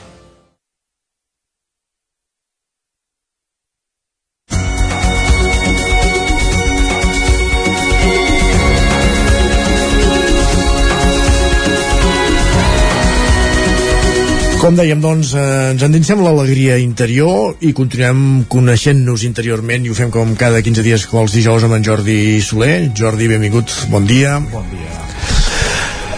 Uh, per on continuem avui? De què parlarem avui, eh? Sempre comencem així. Exacte. Mira, el diàleg amb l'inconscient, eh? És la temàtica que ens porta aquesta temporada. I la veritat és que m'agradaria compartir una mica una experiència d'un diàleg, una forma de diàleg amb aquesta part nostra, eh? amb aquesta part desconeguda, íntima, eh, essencial, que jo crec que, bueno, que, que pot ser interessant. La setmana passada eh, em van oferir la possibilitat de fer, bueno, un, participar en un petit taller Uh -huh. d'una persona que fa teràpies amb minerals. Eh? Sí. Hi ha gent que amb pedres fa, fa tractaments, vull dir, fa, fa, fa teràpies, a qui li demana, a qui ho necessita, i, bueno, va, va interessar, va interessar doncs, participar una mica amb aquesta experiència d'aquesta persona experta una mica en tractar dolències, en tractar doncs, persones que, bueno, que tenien malestar en una zona del cos i que a través dels minerals doncs, ell feia certes correccions no? i feia certs arreglos i ens explicava una mica com treballava eh? i aquí sí que hi ha un treball on la connexió amb aquesta part nostra hi és molt present doncs ell ens va explicar una mica doncs, les propietats de les diferents pedres no? la forma com les s'aplicava que la, la forma de inclús la direcció, la, pos, la posició d'una pedra en un lloc determinat del cos doncs incideix en la persona no? L'estat del terapeuta eh? l'estat de la persona que ho practica tot afecta doncs ens va convidar una mica a explorar-ho a experimentar-ho eh? uh és una visió així una mica d'aprenentatge ens va dir als participants que triéssim d'un grup de pedres no? a veure quina és la que ens cridava l'atenció quan vam haver fet una mica aquesta, aquest primer diàleg eh, amb, amb les pedres, cada participant vam triar doncs, una pedra que ens va cridar l'atenció aquí hi ha el primer pas eh, de diàleg dir, mm, què hi ha de, el que tens al davant que realment et, et, et crida ens va dir que l'agaféssim amb la mà i que experimentéssim a l'aixecar els peus, per exemple, si hi havia una, una diferència, no? allò que la, com si diguéssim, si la força gravitatòria doncs era diferent a l'agafar una pedra o, o després al triar-ne una altra, doncs a veure si variava, no? Clar, això és mm, una cosa una mica especial perquè requereix una alta sensibilitat i no tots som molt sensibles vull dir que jo em considero una persona molt mental però alhora també molt oberta a tot no? doncs aquí s'estableix el primer diàleg amb tu mateix i dir, bueno, clar, ja, la gravetat, la força és la mateixa, buf, doncs sí jo agafava una pedra, agafava una altra i no notava tampoc una diferència en aquest sentit doncs aquí una mica em vaig esborrar, vaig esborrar la part mental no? Sí. vaig fer un reset i vaig dir, ostres, és una bona oportunitat per establir aquest diàleg amb aquesta part meva interna, amb aquesta part inconscient no dir, esclar, m'estan demanant uh, que agafi una pedra, m'estan demanant que experimenti una sensació diferent en la part gravitatòria quan aixeco els peus, no?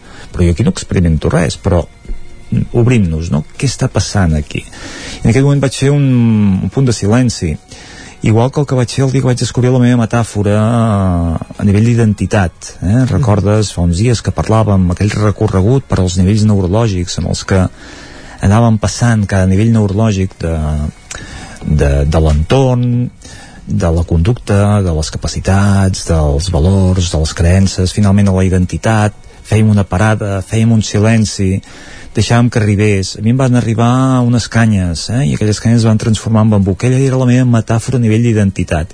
Aquell tipus de treball ara em va servir una mica per connectar també amb aquests minerals, amb aquestes pedres, no? Llavors, vaig agafar la pedra i vaig fer-hi un, un diàleg diferent. vaig dir, no vaig observar la força gravitatòria quan aixeco els peus, a veure si em representa més pesadesa o, o menys, sinó que què m'arriba quan tinc una pedra, què m'arriba quan tinc una altra pedra. I realment aquí es va despertar una mica aquest diàleg, eh? aquest diàleg amb els minerals.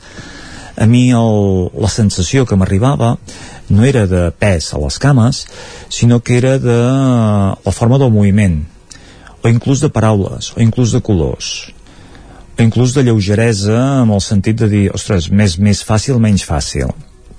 Doncs aquí va ser el moment en què vaig descobrir de que podem d'alguna manera dialogar, parlar amb les pedres, amb l'entorn, amb tot el que nosaltres desitgem si posem aquesta, aquesta escolta, diguéssim, ben afinada, si sabem sintonitzar, si sabem veure realment el que ens arriba independentment del que la ment ens diu que hauria d'arribar eh? no, no podem eh, dir doncs ara vaig a fer un exercici amb l'inconscient i vull que m'arribi una cosa determinada sinó que ens hem d'obrir i el que arriba moltes vegades és inesperat eh? el missatge, el, la paraula el, el contingut d'aquest diàleg moltes vegades és inesperat és una cosa que tot i que l'esperem d'una manera el que ens arriba per petit que sigui eh? per insignificant que sigui el missatge la forma, el símbol nosaltres hem de hem d'atendre-lo, hem d'acceptar-lo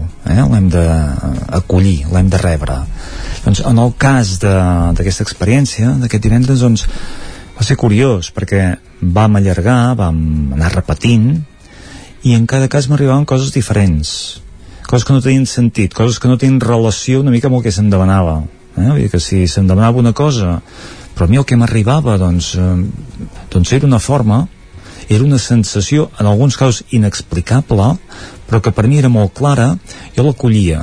Doncs per tant va ser una oportunitat una mica d'entendre aquest, dia, aquest diàleg amb, amb la part inconscient té èxit si t'alliberes una mica d'aquests prejudicis, d'aquesta expectativa, d'aquest espero que m'arribi tal cosa. I simplement dir, és que a mi el que m'arriba és això. O sigui, m'estàs demanant a veure què, què, què veig en aquest sentit, però és que a mi en aquest sentit no m'arriba res, m'arriba en aquest altre. I això ho dono per bo. Doncs el pas següent una mica és interpretar aquest llenguatge, és interpretar aquest símbol, no? Diu, bueno, quan jo agafo una pedra i no aquesta sensació, què m'està dient? Com pot ser útil? Eh? De què pot servir això? Quin és el missatge que hi ha darrere d'això? doncs interpretar una mica el sentit, el significat a través d'una cosa molt personal eh? és com el tema dels somnis vull dir que ja sabem que el, la simbologia que hi ha darrere un somni és un missatge molt particular vull dir, molt únic interpretable per la pròpia persona que ho viu i que ho experimenta en el moment que ho viu i ho experimenta vull dir que jo puc tenir un somni recurrent al llarg de la meva vida però sé que en un moment determinat aquell somni pot tenir un significat eh? pot ser allà per despertar-me o activar-me una part meva la metàfora, el símbol que em pot arribar quan faig una escolta, encara que sigui a través dels minerals és, bueno, jo ara què estic fent? Doncs mira, jo estava descobrint la relació que hi pot haver entre el, la definició de la metàfora a nivell d'un treball de nivells neurològics i a través dels minerals, vull dir que és el mateix. Vull dir que tot està transmetent tot està emetent un missatge encriptat però que si ens alliberem de la ment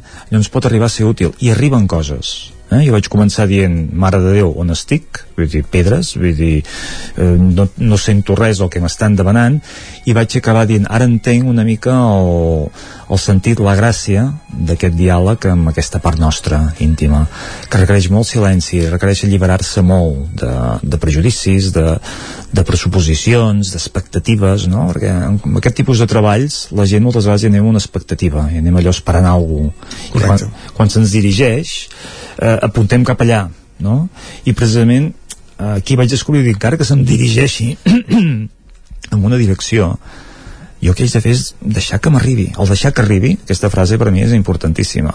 Deixo que arribi. És que si em demanen un color i m'arriba una forma jo faig cas de la forma. Perquè si estic esperant un color l'acabaré creant mentalment si estic esperant allò que la força de la gravetat és que m'acabarà arribant però serà mental no?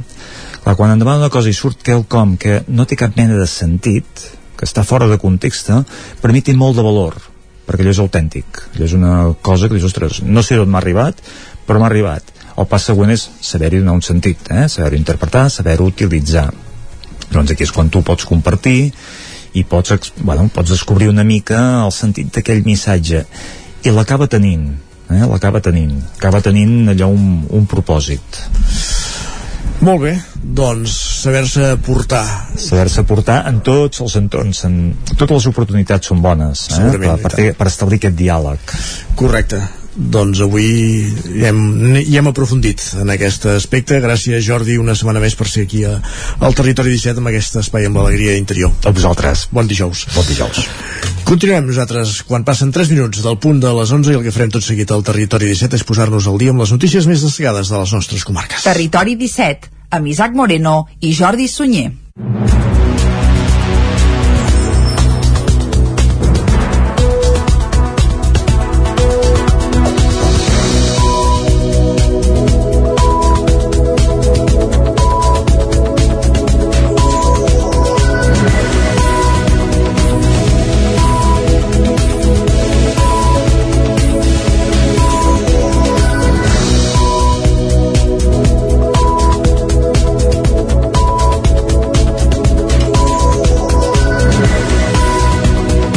Quatre minuts que passen de les 11 per explicar-vos aquesta hora que Jordi Baget, exconseller d'Empresa i Coneixement de la Generalitat, serà el nou director general de la Fundació Universitària Balmes, l'entitat titular de la Universitat de Vic.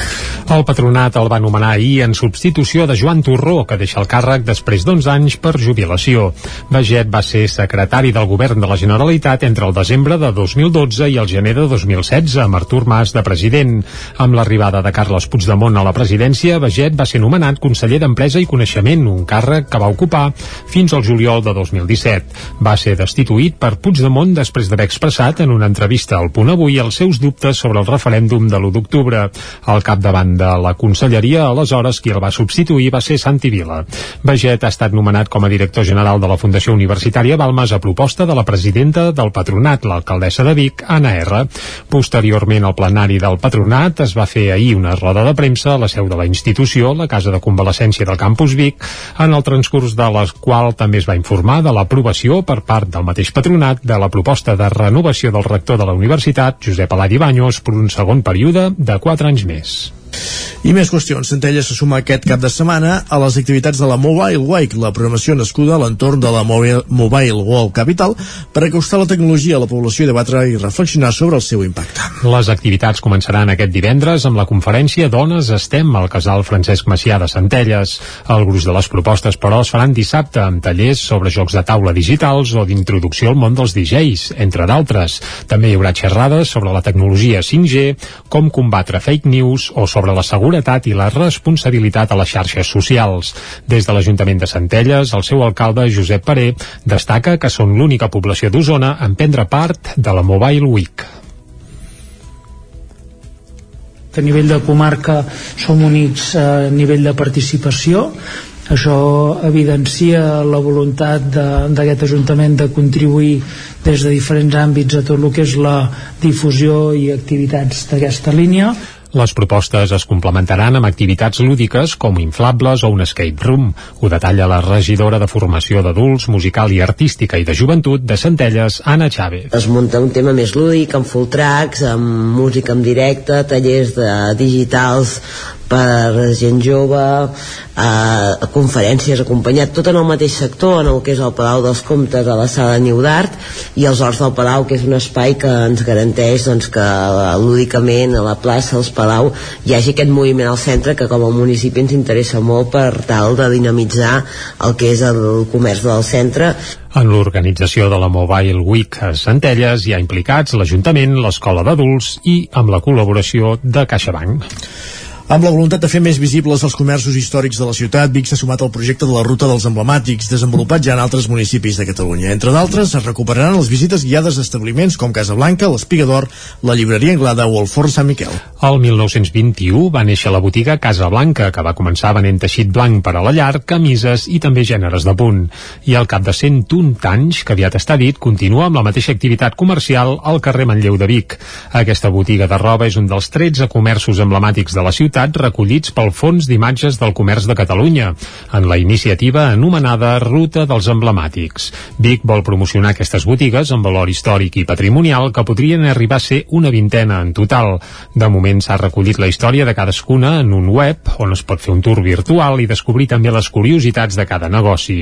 Ho detalla Bet Piella, que és la regidora de Comerç de l'Ajuntament de Vic. Tothom que estigui interessat en entrar en la ruta dels emblemàtics, si compleix aquestes característiques, evidentment ha de ser històric, doncs eh, sabem que n'hi ha que encara no hi són, nosaltres des de l'Ajuntament paguem directament a aquesta persona que anirà a fer les fotografies, el vídeo, les entrevistes i per tant cada vegada serem, serem més en aquesta llista de, dels emblemàtics. Un dels que ja és a la llista dels emblemàtics és la històrica Casa Blanca. Carles Molist n'és el seu responsable. l'esforç de tirar endavant un negoci tingui 5 anys o en tingui 100 és igual, és molt important. Llavors doncs mira, eh, eh, sentir-te recolzat de que, de que se té en compte doncs és, és, és gust Aquesta campanya també permetrà gaudir d'una ruta turística per establiments com el mateix Casa Blanca, l'Espiga d'Or, la llibreria Anglada o el Forn Sant Miquel, una ruta que es farà tots els dissabtes al matí del mes de juny. L'Ajuntament de Vic també ha recuperat la iniciativa de promoure els comerços sostenibles de la ciutat,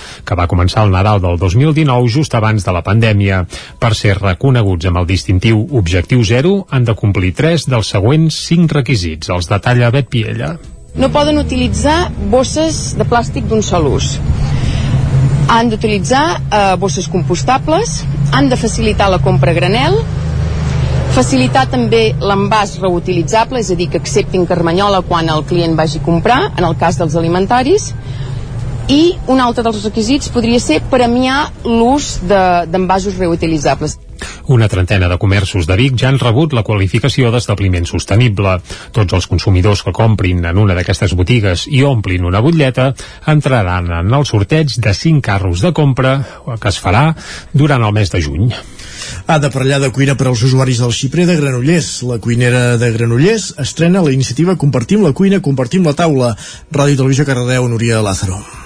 Ada Parellada del restaurant Semproniana iniciava dilluns el programa Compartim la cuina, compartim la taula, que ha posat en marxa el xiprer coincidint amb el seu 25è aniversari i que consisteix en convidar xefs solidaris a cuinar i dinar al xiprer, acompanyant els seus usuaris.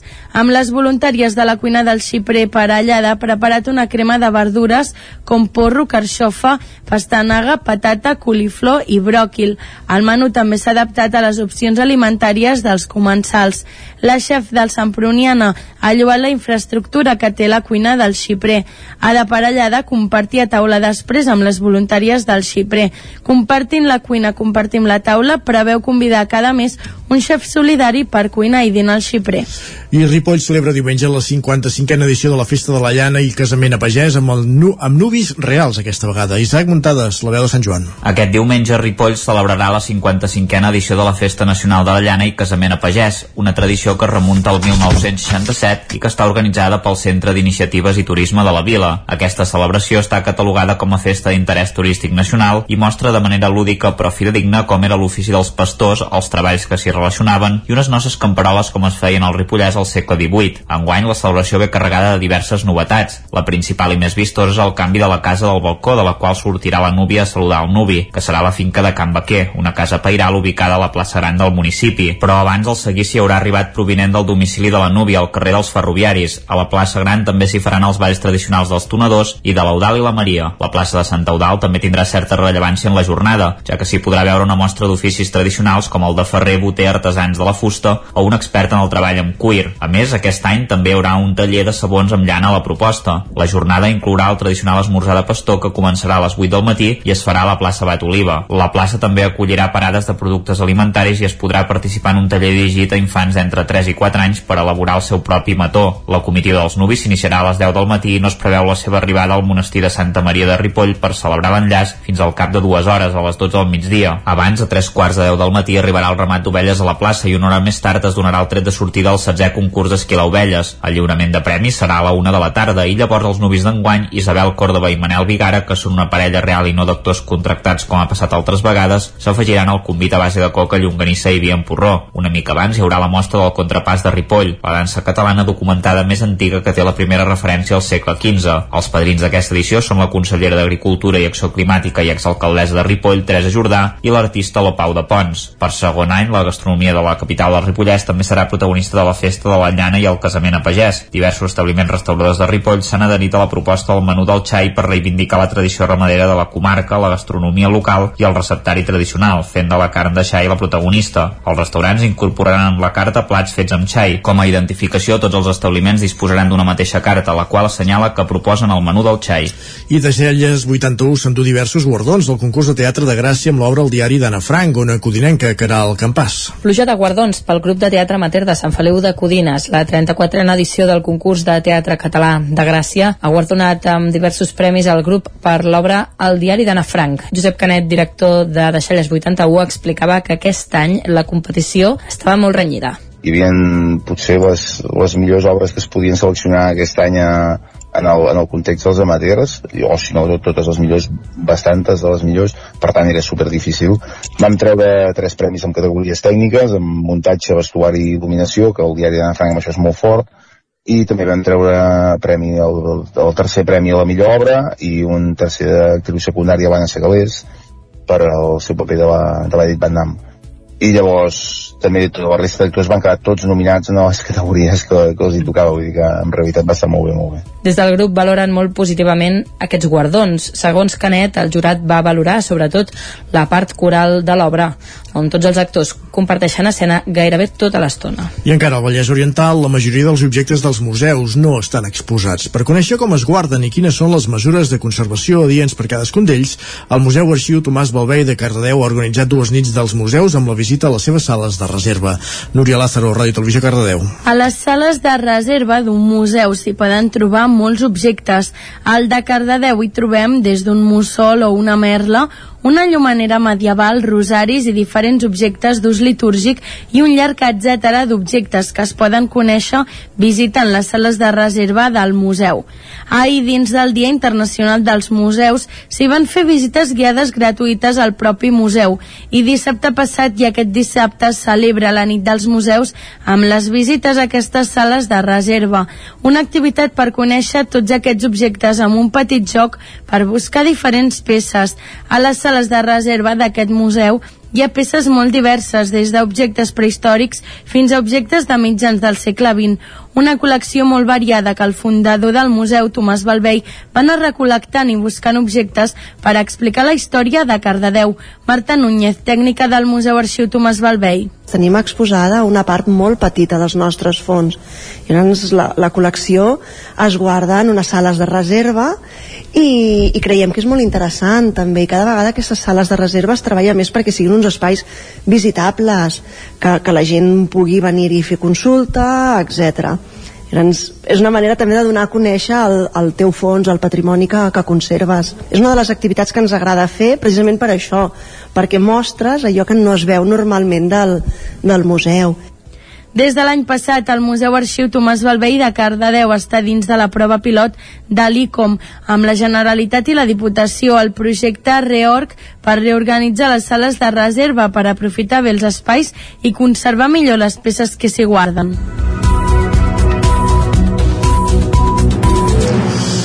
Un minut que passen d'un quart a 12 al territori 17 que veiem aquí aquest repàs informatiu en companyia de Núria Lázaro, Caral Campàs, Jordi Sunyer i Isaac Muntades. Tot seguit el que farem al territori 17 és posar-hi música, és posar-nos al dia de l'actualitat musical que es fabrica al nostre país. Territori 17. Envia'ns les teves notes de veu per WhatsApp al 646 079 023. 646 079 023. WhatsApp Territori 17.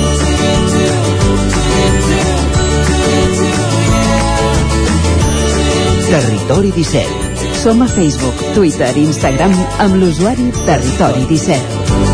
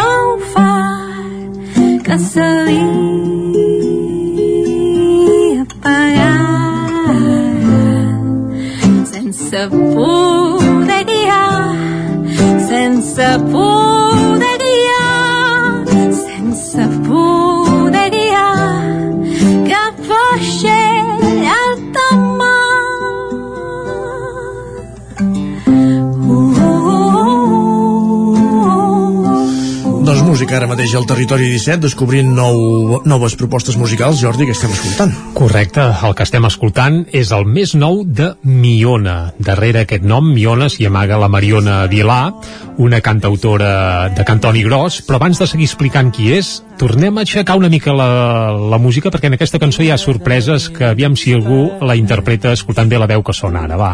I quan menys tu esperes viu de nou en tu l'alegria del cor que s'havia apagat. Sense trobar ningú sense trobar ningú sense trobar ningú amb qui somriure al teu costat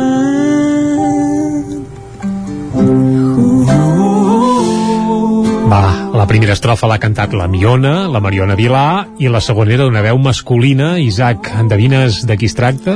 Doncs em té molt despistat, la veritat. Sí, doncs eh, és el Ferran Urriols, el nando dels Nyandú. Carai. Doncs sí, despistat, uh, sí, cal dir que bé, el teníem una mica desaparegut, però atenció perquè el Ferran Urriols, el nando dels Nyandú, properament debutarà amb un primer treball que s'ha fet pràcticament tot ell, en solitari, però abans doncs, també ha debutat com a productor i gairebé podríem dir com a mà dreta de la Mariona Vilat, de la Miona. I és que aquest nou disc de la Miona, que es titula Va i Vent, que per cert és un disc que estarà eh, que es publica demà, avui l'estem preestrenant gairebé en exclusiva aquí a Territori 17, a partir de demà hi ha totes les plataformes i el disc físic i el que faci falta, doncs cal dir que la Miona, el seu primer disc el van registrar l'any 2018, es deia Cançons que curen, i el van a gravar als estudis Fondoriola, Centelles, amb el Jordi Casa de Sus, un dels productors més reputats de l'escena eh, catalana. I la Miona tenia molt clar que volia repetir l'experiència, de nou amb el Jordi Casa de Sus, però aquesta vegada no volia anar allò una mica sola, sinó que volia comptar amb una figura de productor, que la guiés una mica, que li portés el so cap aquí, cap allà, tot i que ell té molt clar que el que fa és cançó d'autor pura, sense artificis, sense grans, ja ho hem sentit, eh, veu, guitarra, apareixen algunes coses més, però tot és molt eh, orgànic i tal com raja. I en aquest sentit, el Jordi Casa de Sus li va dir, ostres, doncs últimament eh, he treballat amb en Ferran Urriols i crec que us entendríeu bé. Clar, la Miona, el Ferran, diguem que personalment no es coneixien, tot i que evidentment sabia qui era, i eh, a la que es van trobar hi va haver allò, saps allò que passa a vegades, química correcta, i aquesta química està traslladat amb que a les 10 cançons que hi ha al disc, en pràcticament 7 o 8 hi participa el Ferran, ja sigui fent veus o fins i tot tocant alguna guitarra i algun altre instrument, i fins i tot en directe eh, la Miona presentarà aquest disc acompanyada d'en Ferran, és a dir que en directe es presentaran en format duet, amb alguna col·laboració especial en funció del, de l'indret on vagin a espetegar, però sí que el directe de la Miona doncs, eh, serà un tàndem entre ella mateixa i el Ferran, el Nyando, el, el Nando dels Nyandú. I el directe, la presentació d'aquest disc, cal dir que es farà divendres que ve, dia 27 de maig, al Teatre Municipal de Manlleu, conegut com el Teatre del carrer del Pont, el de tota la vida. El Teatre Centre. El Teatre Centro. Ara no sé per què ens hem inventat això Sí, de Teatre bé, ara es diu Teatre però- Municipal, però sí, mira, sí, és sí, el sí, és centre, el sí, centre de tota la vida, doncs uh, divendres que ve uh, es podrà eh, escoltar per primera vegada en directe tot el disc sencer amb la Miona i acompanyada del Nando. I ara si et sembla Isaac escoltem una altra de les peces que hi ha al disc. És Va i Vent la que dona títol al disc és el novè track i aquest té una altra sorpresa i és la col·laboració d'un quartet que és un dels més eh, reputats de l'escena catalana. No diem res i aviam si algú sap per on va. Quartet eh, clàssic eh? Uh, no. Doncs va, som-hi. Va, som-hi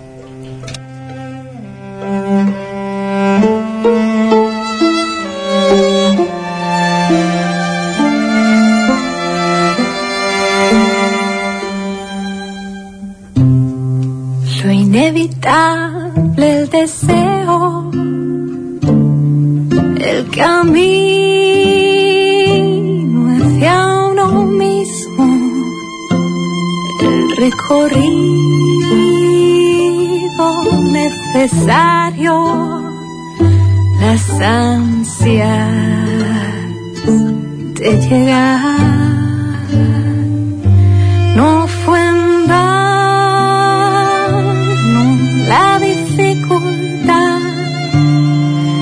Precede que el logro y el soñar, y el soñar, el soñar. Doncs qui és aquest quartet de corda, ja? Ai, ai, el quartet Brossa, Brossa, el carai. mític quartet Brossa amb Marçal Iats al violoncel i els altres tres, la veritat és que no te'ls sé dir així de memòria, però sí, sí, apareix el quartet Brossa, un dels quartets més eh, bé sol·licitats de l'escena catalana que han col·laborat amb multitud d'artistes, eh? ara em ve el nom, per exemple, de Sopa de Cabra fins als Pets, fins és que eh, pràcticament s'han calçat amb qualsevol patum de l'escena nacional i en aquest cas col·laboren també el nou disc de la Miona amb aquesta peça, només amb Vaivent i cal dir que el quartet Brossa no seran divendres que ve Manlleu, eh? No? Uh, no, això ja ho podem avançar i bé, com podeu comprovar també a uh, Vaivent aquesta peça on apareix el quartet Brossa és en castellà, hi ha tres de les peces del disc que són en castellà i és que la Miona va tenir una experiència a Sud-amèrica també i va anar a fer unes estades i tot plegat i manté uns lligams així bé d'amistat i de i musicals també eh, i confraternals i precisament doncs això amb la voluntat també de picar l'ullet a, a la gent de Sud-amèrica doncs hi ha tres de les peces del disc que són eh, en castellà.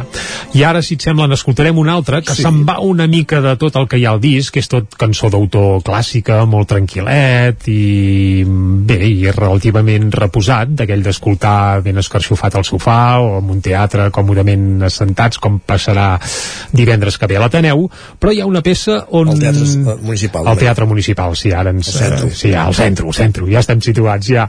Doncs bé, hi ha una cançó que s'acosta al pop rock, i és que la Miona, quan era jove, doncs també havia format part d'una banda que es deia Macbeth, una banda de l'Esquirol, on ella cantava i feia una mica de tot, i suposo que per recuperar aquests orígens, doncs aquí s'ha deixat eh, embolicar en aquesta cançó amb, bé, amb una base pop rock, amb baix i bateria, cal dir que la bateria i el baix aquí els toca el Jordi Casa de Sus en casa, el tècnic que, que va enregistrar el disc i també de, va fer una mica tasques de coproducció per tant ara escoltarem un fragment d'aquest Després de tot, va I amb ella arribarem a la pausa per continuar després del Territori 17. Gràcies, Jordi. Fins ara. Vinga, escolteu la Miona, eh? val molt la pena. Orgànic i autèntic. tot segueixes amb la terra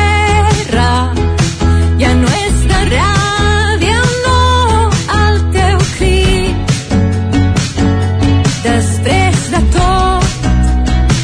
Invoques l'alegria després de tot. Després de tot.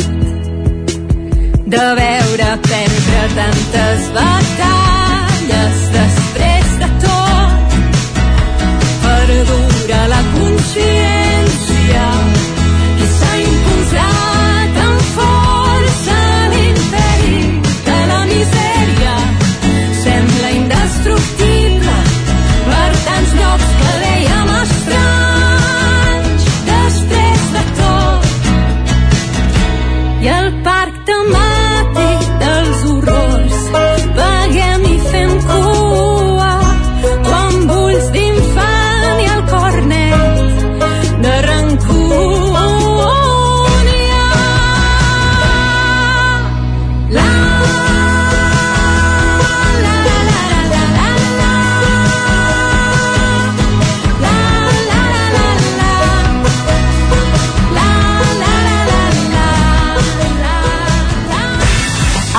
FM, la ràdio de casa, al 92.8. En Santi no para de teletreballar. Per això necessita sempre la millor connexió. Si treballes fora de l'oficina, escull la millor fibra i línies mòbils amb la major cobertura 5G, com en Santi. Benvinguts a Mi Movistar. Configura-la al 1004, a movistar.es o a les botigues amb fins a un 50% de descompte els 3 primers mesos. Perquè ara Movistar arriba a Barcelona. Movistar, la teva vida, millor.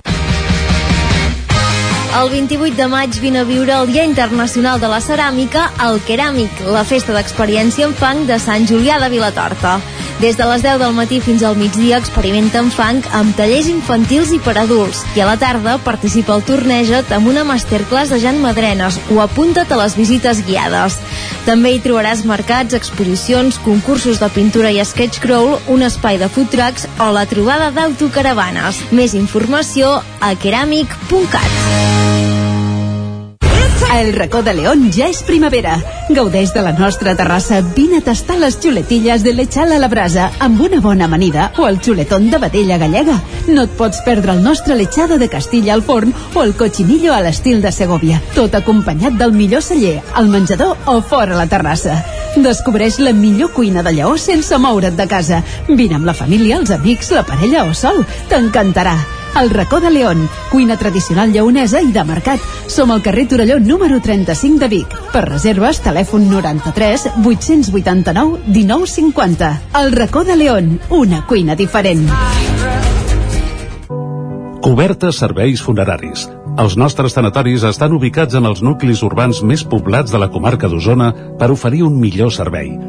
Tanatori de Vic, Tanatori de Manlleu, Tanatori de Centelles i Tanatori de Roda de Ter. Sabem que són moments difícils i per això el nostre compromís és atendre-us en tot moment amb un tracte humà, sensible i respectuós. Cobertes serveis funeraris. Telèfon 24 hores 93 883 23 46. Cocodril Club. Si t'agrada la bona música dels anys 60, 70 i 80, escolta el 9 FM als matins de dissabtes i diumenges d'11 a 1. És el temps del Cocodril Club, tot un clàssic de la ràdio, amb les bases del pop-rock, les llegendes, les cançons que s'han convertit en autèntics himnes. Recorda, dissabtes i diumenges al matí, d'11 a 1, al 9 FM 92.8. Cocodril Club, el programa revival de l'Albert Malla. Hasta luego, cocodrilo. Anuncia't al 9FM. La màquina de casa. 9 3 8 8 9 4 9 4 9. Publicitat arroba al 9FM.cat. Anuncia't al 9FM. La publicitat més eficaç. El 9 FM, el 9 FM. Territori 17. El territori 17 ara mateix en punt, dos quarts de 12 i el que fem és anar cap al cinema. Anem a conèixer les estrenes de la setmana, la cartellera per als propers dies a les sales de casa nostra i ho fem com cada setmana des de la veu de Sant Joan en companyia d'en Joan Garcia i en Gerard Fosses.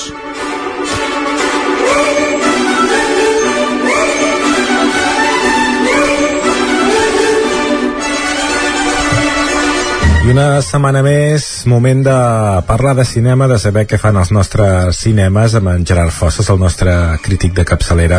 Hola, Gerard. Hola, què tal? Bé, com estàs? Doncs molt bé, molt content. Com, com tenim aquesta setmana? La veritat és que no, no en conec a cap, eh, de les, de les que tinc aquí a la llista. No, aquesta setmana, doncs, bastant bé. A més a més, hi ha dues estrenes espanyoles que jo crec que són bastant interessants, sobretot la primera, i així et sembla, si et sembla anem de cara a barraca, Uh -huh. que és la, la gran triomfadora de l'últim festival de Màlaga, que va guanyar fins a quatre premis de uh, millor pel·lícula, millor guió, millors interpretacions. I, i és una pel·lícula que, que parla sobre un, un tema molt rellevant, que és sobre la paternitat i la maternitat, més concretament en, en aquest cas. La pel·lícula es titula Cinco lobitos. Los, los puntos. ¿Qué exagerada eres? A todas nos han dado puntos. ¡Ay, tacita, que se te va a caer! Cojo la maleta y aquí os quedáis. No sé qué vamos a hacer sin ti cuando no esté ese Begoña.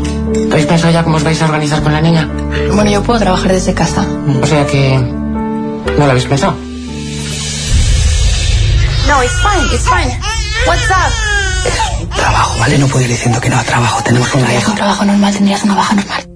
¿Estás bien, hija? ¿Qué te pasa, Maya? Molt bé, quedava molt bé, ja dient que no en coneixia cap i, i una d'aquestes era la, la, la guanyadora de la Bitnaga d'Oro a la millor pel·lícula. bueno, eh, no, però a vegades passa, tam també a vegades no, no es fan molt famoses aquestes pel·lícules fins que s'estrenen i a vegades ni així. Mm. Uh, el que passa que aquesta pel·lícula sí que se'n va parlar molt perquè va agradar moltíssim allà al Festival de Màlaga i és d'aquelles pel·lícules d'estar de, tota l'estona amb el cor en un puny. Hem pogut escoltar una mica el trailer, el plantejament és aquesta mare jove però, mm. que interpreta la, la Laia Costa, aquesta magnífica actriu uh, de casa nostra, que bé, acaba de ser mare i el gran problema que no sap ben bé com ser, no sap com actuar, es recolza molt amb, amb la seva mare i diguem que és aquesta dicotomia del personatge de com actuar com a mare i com actuar com a filla no? quan ja és adulta potser ja molt adulta per ser uh, filla mimada i, i massa jove per ser mare no? Mm -hmm.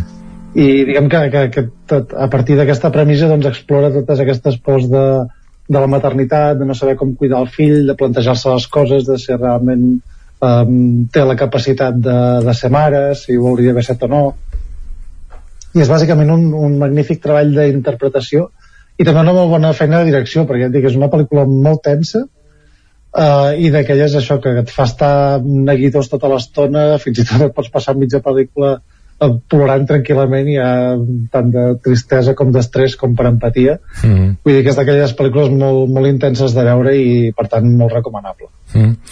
no la miraré eh, perquè eh, hem passat ara per la paternitat i això poques ganes tinc eh, de, de, de reviure un d'aquests d'aquests eh, petits problemes, dubtes i això que tens quan quan, quan ets eh, pare o mare més, més que, més que, sí, més que sí, això, sí. eh? més que compartir-ho i pensar, mira, no, no ets únic, que ja ho saps, que no ets únic, però ara no en tinc gaires ganes. Per tant, que si et sembla, passem a la següent sí, sí, més no, no sé com bueno, òbviament ho rep diferent un espectador que no ha tingut fills que un espectador que sí que n'ha tingut uh -huh. uh, però bé, aquí també està una mica la gràcia no? en saber casar aquestes, aquestes emocions i arribar a tothom uh -huh. uh, però bé, uh, sí que podem passar a la següent ja, que és una, una altra pel·lícula espanyola, en aquest cas una comèdia amb una proposta bastant marciana i que es titula Espejo, Espejo ¿Qué haces cantando desde las 7 de la mañana? Que pareces imbécil. ¿No te traes recuerdos de cuando éramos pequeños? Sí. Me trae unos recuerdos de mierda. Yo creo que hacía tiempo que no tenía tan buen sexo, pobrecita. Ya. No podemos dejar que ese polla vieja nos altere así, Paula. Mírate, mírame. Eres un puto callo. ¿Qué tal? Me está pasando algo muy raro, muy... Escúchame un momento. Me voy a ir. ¿Pero de dónde? No eres tú, soy yo. Que te miro y ya no siento lo mismo. ¿Qué? Què és això? És un, és un spin-off de, de Moon Knight o què?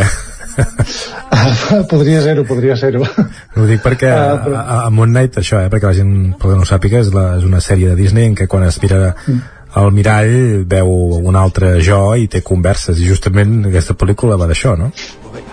Sí, va, va molt d'això, però diguem que ho tracta més en profunditat perquè la sèrie al final és una sèrie d'acció de superherois i, i aquí sí que a través de la comèdia i a, través d'aquesta premissa de ciència-ficció que es diu de, de, del fantàstic doncs intenta explorar una mica el, els dubtes de, de l'edat adulta i i el fet de, de posar-se en crisi un mateix doncs d'observar-se al mirall i preguntar-se doncs, com ha arribat fins en aquell moment, quines decisions bones ha pres, quines no, etc etc. no?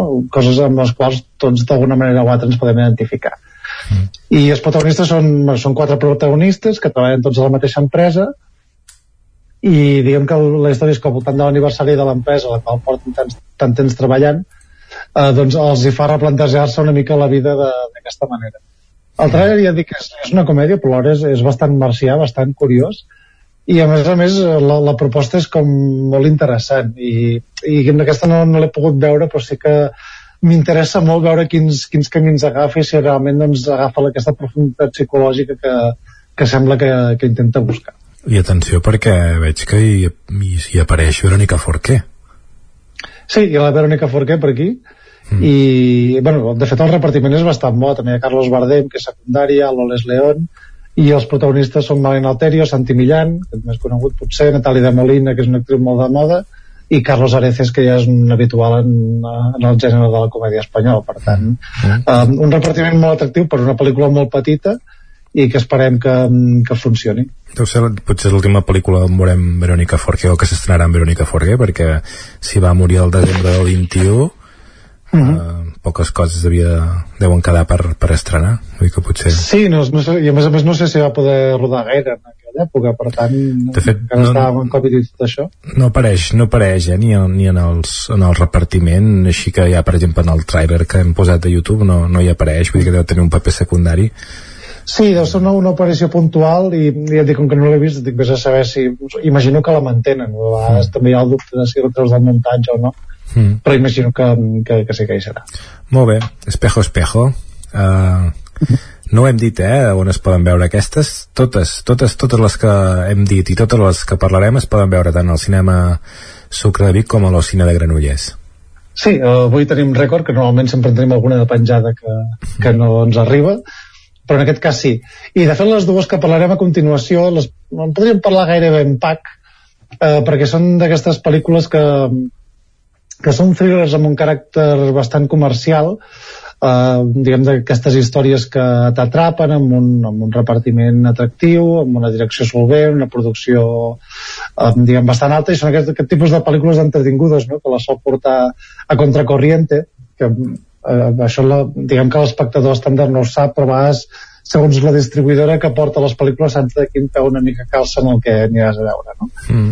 i en aquest cas doncs estem amb, aquest, amb el segell a contracorriente i la primera d'elles és... per cert, molt trompats sí? perquè justament hi vaig haver de, de trucar per demanar els drets d'una de les seves pel·lícules per poder-ho per poder-la doncs, projectar i realment, realment molt trompats Home, sí, són, són molt bona gent, la veritat. No, no sé amb qui vas parlar, però, però sí.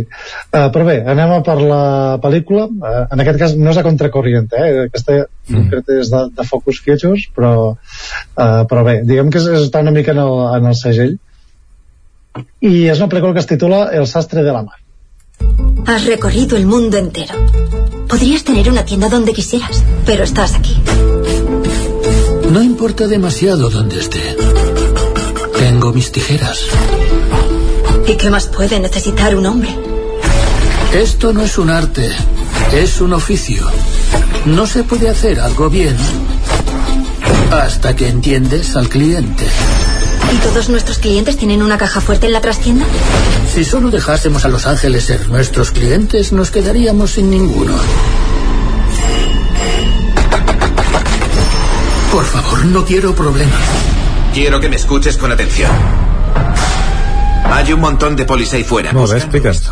Y como lo Sí, encuentren... els ingredients, ja et dic, són, són interessants. Ens situem a Chicago, als anys 50, i el protagonista és un sastre anglès que, que per un tema personal doncs, acaba emigrant de- d'Anglaterra fins als Estats Units i, i comença a treballar això en una, una petita botiga, una sastreria de- d'allà a Chicago el que passa que per la qualitat de, de la seva roba i tal els únics que poden pagar el, els trajes són gàngsters.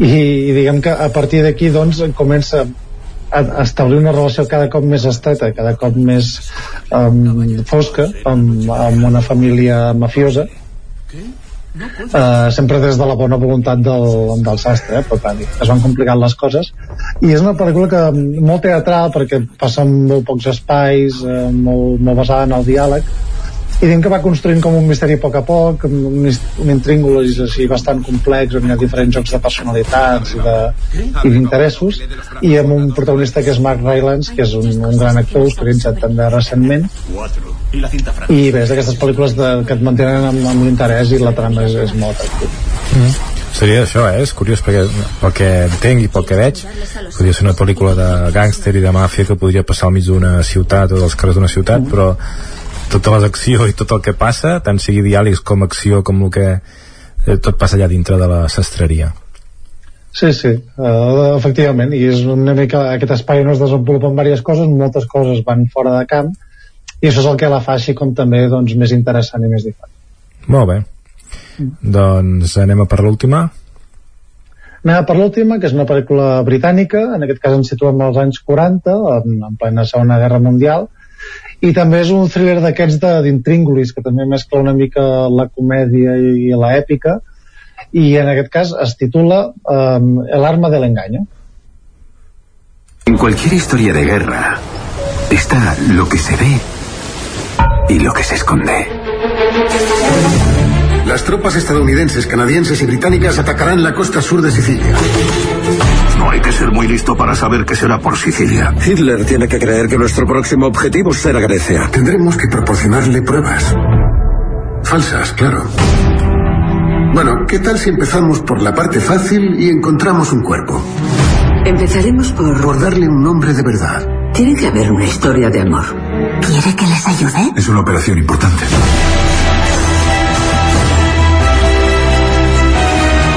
Pondremos una pestaña en el doblez. Si no sigue ahí cuando la devuelvan, será otra señal de que han leído la carta.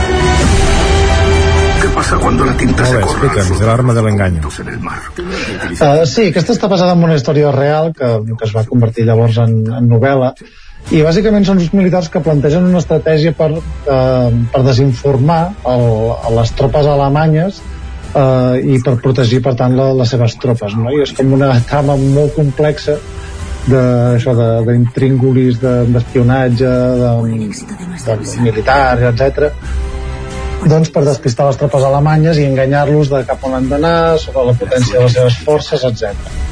Um, està bé perquè està construït um, de tal manera que això et va dosificar la informació, va sorprenent i és una pel·lícula amb, amb molt de ritme.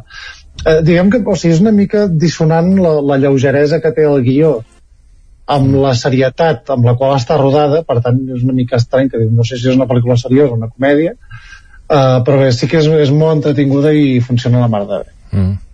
Um, si aquesta pel·lícula es fes avui en dia, si haguessin tingut mòbils els nazis, mm. hauria ser tan fàcil com enviar un SMS dient clica aquí per a la... Per a, Exacte. Eh? Sí, sí, para, para saber la ruta de las tropas. ¿eh? Y para pegar Pegasus, para, para enganchar Pegasus a tu mòbil. Sí, sí. Bueno, avui en dia, no sé si ens han tornat tontos o més intel·ligents, però... Sí, sí. sí, sí. Uh, bueno, ho veurem de 15 anys quan, quan hi hagi pel·lícules sobre les, les guerres actuals. Els, els mòbils intel·ligents, no? I nosaltres més tontos. Exacte. Molt bé, tornem a Cans, la setmana passada hi vam passar i, i avui vols tornar-hi, eh?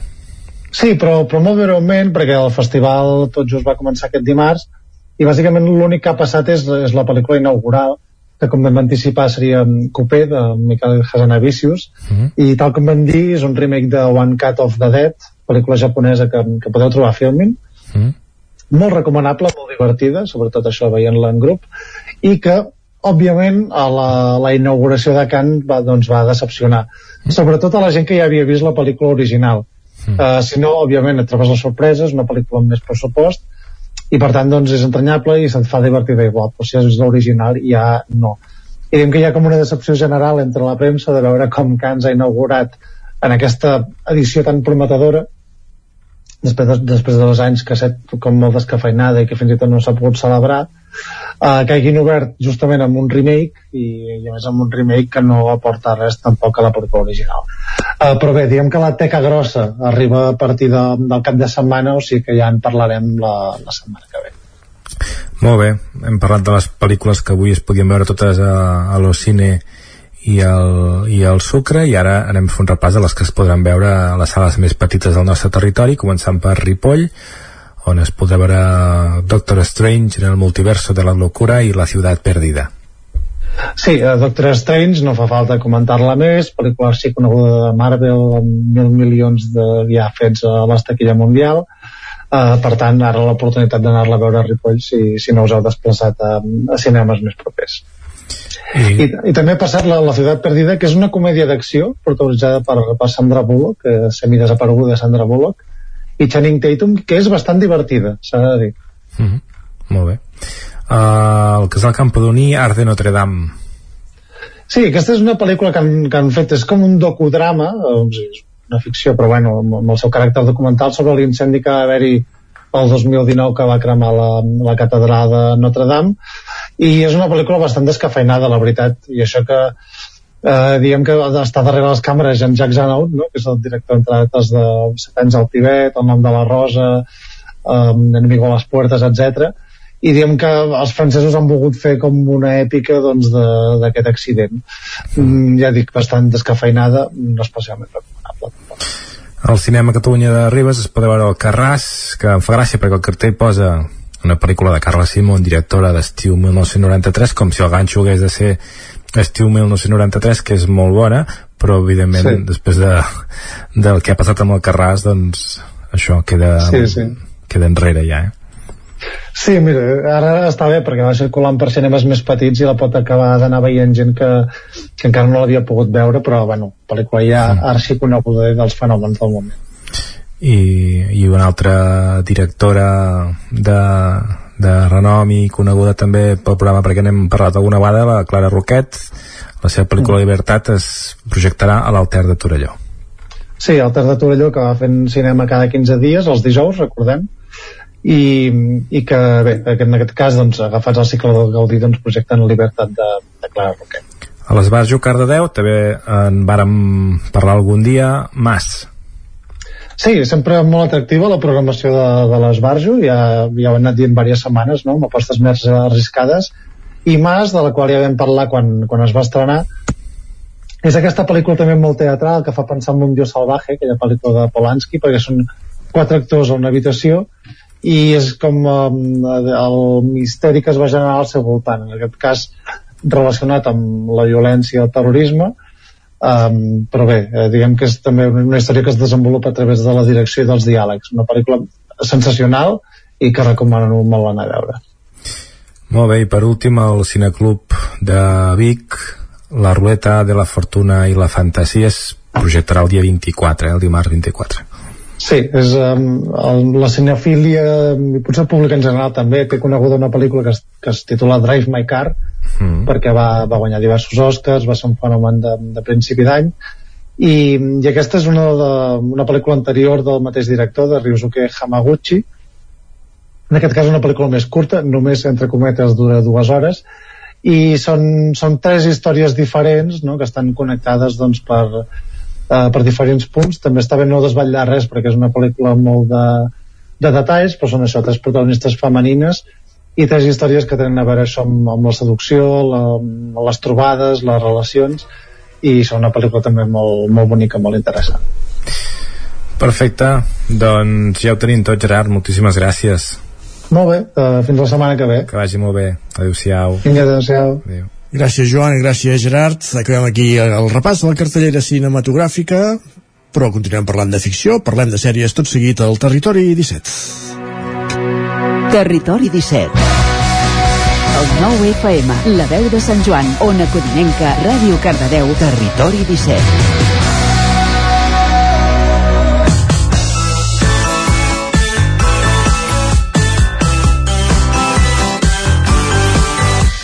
Ja sabeu que els últims 10 minuts del Territori 17 els dijous els dediquem a fer algunes recomanacions sobre sèries que podem trobar a plataformes principalment, però si cal també a la televisió.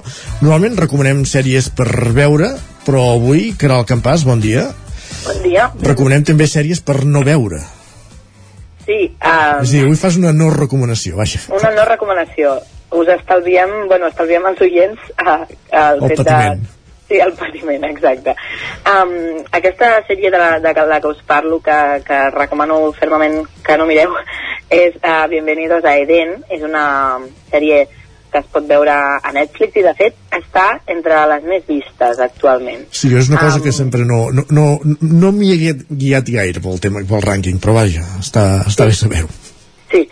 Um, succeeix uh, en una illa, val? llavors um, allà hi ha, hi ha una, una mena d'empresa, diguéssim, que um, envia un missatge uh, de, de text o a través de les xarxes socials a diferents joves uh, i els convida a, a provar una nova beguda que representa que, que ha creat aquesta empresa val? um, llavors vas veient bé, persones que són persones potser en una situació familiar una mica complicada bé, um, això eh, són una trentena de, de joves que reben un missatge més o menys anònim i els diu mira, teniu pagada una, una festa en una illa, heu d'anar a aquest lloc a aquesta hora eh, i us hi portarem, vale? i fins aquí puc llegir. Llavors, més que una sèrie, ara mateix sembla un anunci publicitari. Sí. No és falta dir la beguda, però vaja, com que, tampoc, com, com que és ficció, tampoc cal que ho diguem. Sí, uh, uh, és això, eh? És, uh, van, van, tot aquest grupet van a, a la illa i, i allà doncs com- comencen a passar coses. Um, clar, l'inici podríem dir que, que és força... Ha, intrigant, no? però de seguida va perdent solidesa, eh, no té, jo, jo diria que no té cap mena de qualitat narrativa i, i al final també eh, és força decebedor. Val? Llavors, eh, jo crec que, que la clau és aquesta una mica, que la premissa és potent i crida l'atenció, però que el que es crea amb això doncs, no, no arriba a un cert estàndard. Llavors, No està ben resolta, vaja. Exacte, I, i la premissa és aquesta que us deia, eh? és el misteri al voltant de, de què passa a la illa i no aquesta cosa de Bienvenidos a Eden, no? de què és exactament Eden. Llavors, um, també co com a espectadors, o, clar, jo anant mirant els capítols, vas veient que, que no passa gaire res durant el capítol fins al final, fins al tram final de, d'això, del capítol. Um, llavors jo fins i tot, jo he vist tots els capítols, però podríem dir que els he vist una mica, no sé, de fons, no sé si En m'entens. diagonal, de... per entendre'ns. Sí, exacte. El tenia, ho tenia allà posat i mira, de tant en tant pues, li feia un cop d'ull i de tant en tant no, i no em perdia, no em perdia res. um, llavors és això també que, que et dona voltes tota l'estona sobre les mateixes idees i, i, i tot el que passa també es veu força venir que passarà i d'altra banda el que em va quedar l'atenció negativament són els diàlegs que són jo crec que són molt, molt jo sense vull dir, no, el meu criteri cinematogràfic bueno, és el de qualsevol que pot tenir qualsevol persona no? però um, és això, penso que, que els diàlegs són, són molt simples, estan poc treballats vull dir, jo hi havia moments que, que quedava molt esturada del que estava sentint i, i també arribava a un punt de que no sabia si era tan mala execució de, dels actors o, o un problema de guió, saps? Llavors, bé, tot això conjuntament fa que uh, us recomani fermament que, que no dediqueu estona a, a mirar aquesta sèrie que de, de Netflix i que de fet és una producció de, de Netflix. Bienvenidos Eden. Si ens està escoltant el director de la cosa o algun fan, obrim línies, eh? El 938856156 i els al·ludits poden entrar també. Per De, fe, de fet, una de les coses que has dit, que això que sense mirar-te gaire els capítols ho anaves Sí. seguint, a mi un dia m'ho van dir de la sèrie de les tardes de TV3, em van dir una sèrie que mirant-la un dia a la setmana i a trossos la vagis seguint, malament rai. Però vaja, eh, comentari a banda. Òscar Muñoz, benvingut també, bon dia de nou. Bon dia. Tu sí que ens fas una recomanació per mirar en aquest cas, eh? No per no Sí, mirar, sí. eh? La, la tens també, no, també està bé que recomanin per no mirar, perquè així això, t'estalvies no, el que veig i que no veig. La tenies controlada, això, aquesta no ho que veus deia la o no? Doncs no, i ara... És que tampoc m'hi fixo massa en els rànquings de, de Netflix. Llavors, doncs... jo el que sí que us vull doncs, és recomanar una sèrie, Endavant. i és la de The Good Doctor. Mhm. està protagonitzada per en Freddie Highmore que surt eh, a pel·lícules eh, a la pel·lícula l'última de 2021 de Way Down una, que fa un atrac al Banc d'Espanya Sí. i això, el protagonista és en Sean Murphy és un, un jove cirurgià resident que pateix autisme i síndrome de Savant també conegut com el síndrome del savi, una malaltia que li causa molts problemes a l'hora de relacionar-se amb altres pacients o amb altres companys de feina, tot i que, doncs, això... Eh, Però és resolutiu, Aquesta l'home. Ah, exacte, aquesta enfermetat doncs, també li ha, li ha permès desenvolupar altres habilitats mentals Uh -huh. com l'extraordinària memòria no? i tot això doncs, eh, ens expliquen la seva vida ja que ha tingut una infància doncs, complicada que és, eh, ell volia ser metge i doncs, amb aquestes dificultats ho ha aconseguit eh, ser-hi i ser do- doctor i entrar també a l'Hospital Sant José Bonaventure i, i això. Aquí dins de l'hospital el que passa és que no tota la junta de l'hospital es mostra conforme amb la seva decisió d'incorporar a l'equip a un cirurgià amb autisme, no? I doncs es crea també una miqueta un debat de si una persona amb autisme doncs pot eh, agafar aquests càrrecs tan importants no? com si fos una, una vida humana i doncs això també ens fa a nosaltres doncs, pensar en això i si a nosaltres ens agradaria que un, un cirurgià no, amb autisme doncs, ens importaria o no que ens, ens pogués doncs, operar o, o tractar exactament. És una sèrie que la podem veure a Netflix, Amazon Prime i Movistar, així que és una sèrie així multiplataforma. Sí. i a mi personalment em va agradar molt. L'any passat es va fer la cinquena temporada i això és una sèrie que et fa reflexionar. I tot i els entrebancs que té la vida del, del Sean doncs també el veus créixer amb, a la vida seva personal i fer passes de gegant no? de, de coses que potser al principi no faria i doncs que va avançant, evolucionant la sèrie doncs veus que també va evolucionant el personatge Caral, tu l'has vist aquesta també, eh? Sí, jo he vist algun capítol i, i a mi em recordava una mica el format um, House, una mica, Mhm. salvant les distàncies, perquè també cada capítol gira al voltant una mica de- d'un cas concret i resolen doncs, diferents casos um, de, de pacients no? i de malalties. I en aquest sentit em recordava bastant a, a House. Eh, va bueno, no he vist, he vist alguns capítols, eh? no, no he acabat la primera temporada. Però està bé perquè també pots veure-ho així com suelto, no, no cal... mm, Bé, ja sí que hi ha un fil argumental de la vida no? de, del protagonista, sí. però sí que pots agafar un capítol suelto i mirar-t'ho i és, en- és entretingut. Doncs la recomanació de la jornada que ens fa l'Òscar de Good Doctor, com deia, està en la cinquena temporada. Jo l'ho he vist a Amazon Prime, però el que dieu també és a Netflix i Movistar, per tant hi ha moltes opcions de veure-la, aquesta sèrie nord-americana. I la que ens ha quedat clar que no cal que hi perdem el temps, eh, Bienvenidos a Eden, ens ho explicava la Caral, que sí que, que ja ha perdut el temps veient-la i ja ha vist que no, que no arribem enlloc. Òscar Caral, moltíssimes gràcies una setmana més aquí per ser el, aquí per això, per parlar aquesta, de sèries en aquesta microsecció que tenim després del cinema els dijous i parlem la setmana vinent. Fins la setmana vinent. vinga, que vagi molt Fins bé, bon dia a tots dos. I el territori 17 que arriba a la seva recta final avui dijous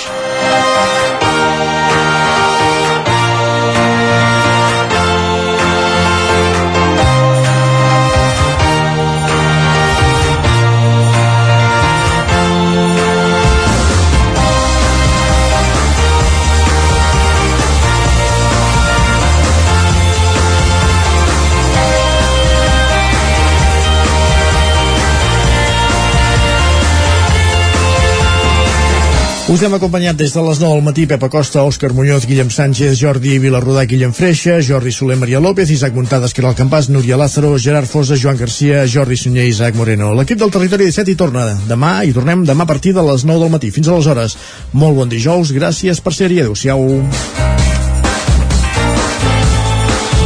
Territori 17, un magazín del nou FM. La veu de Sant Joan, Ona Codinenca i Ràdio Cardedeu amb el suport de la xarxa. El nou FM.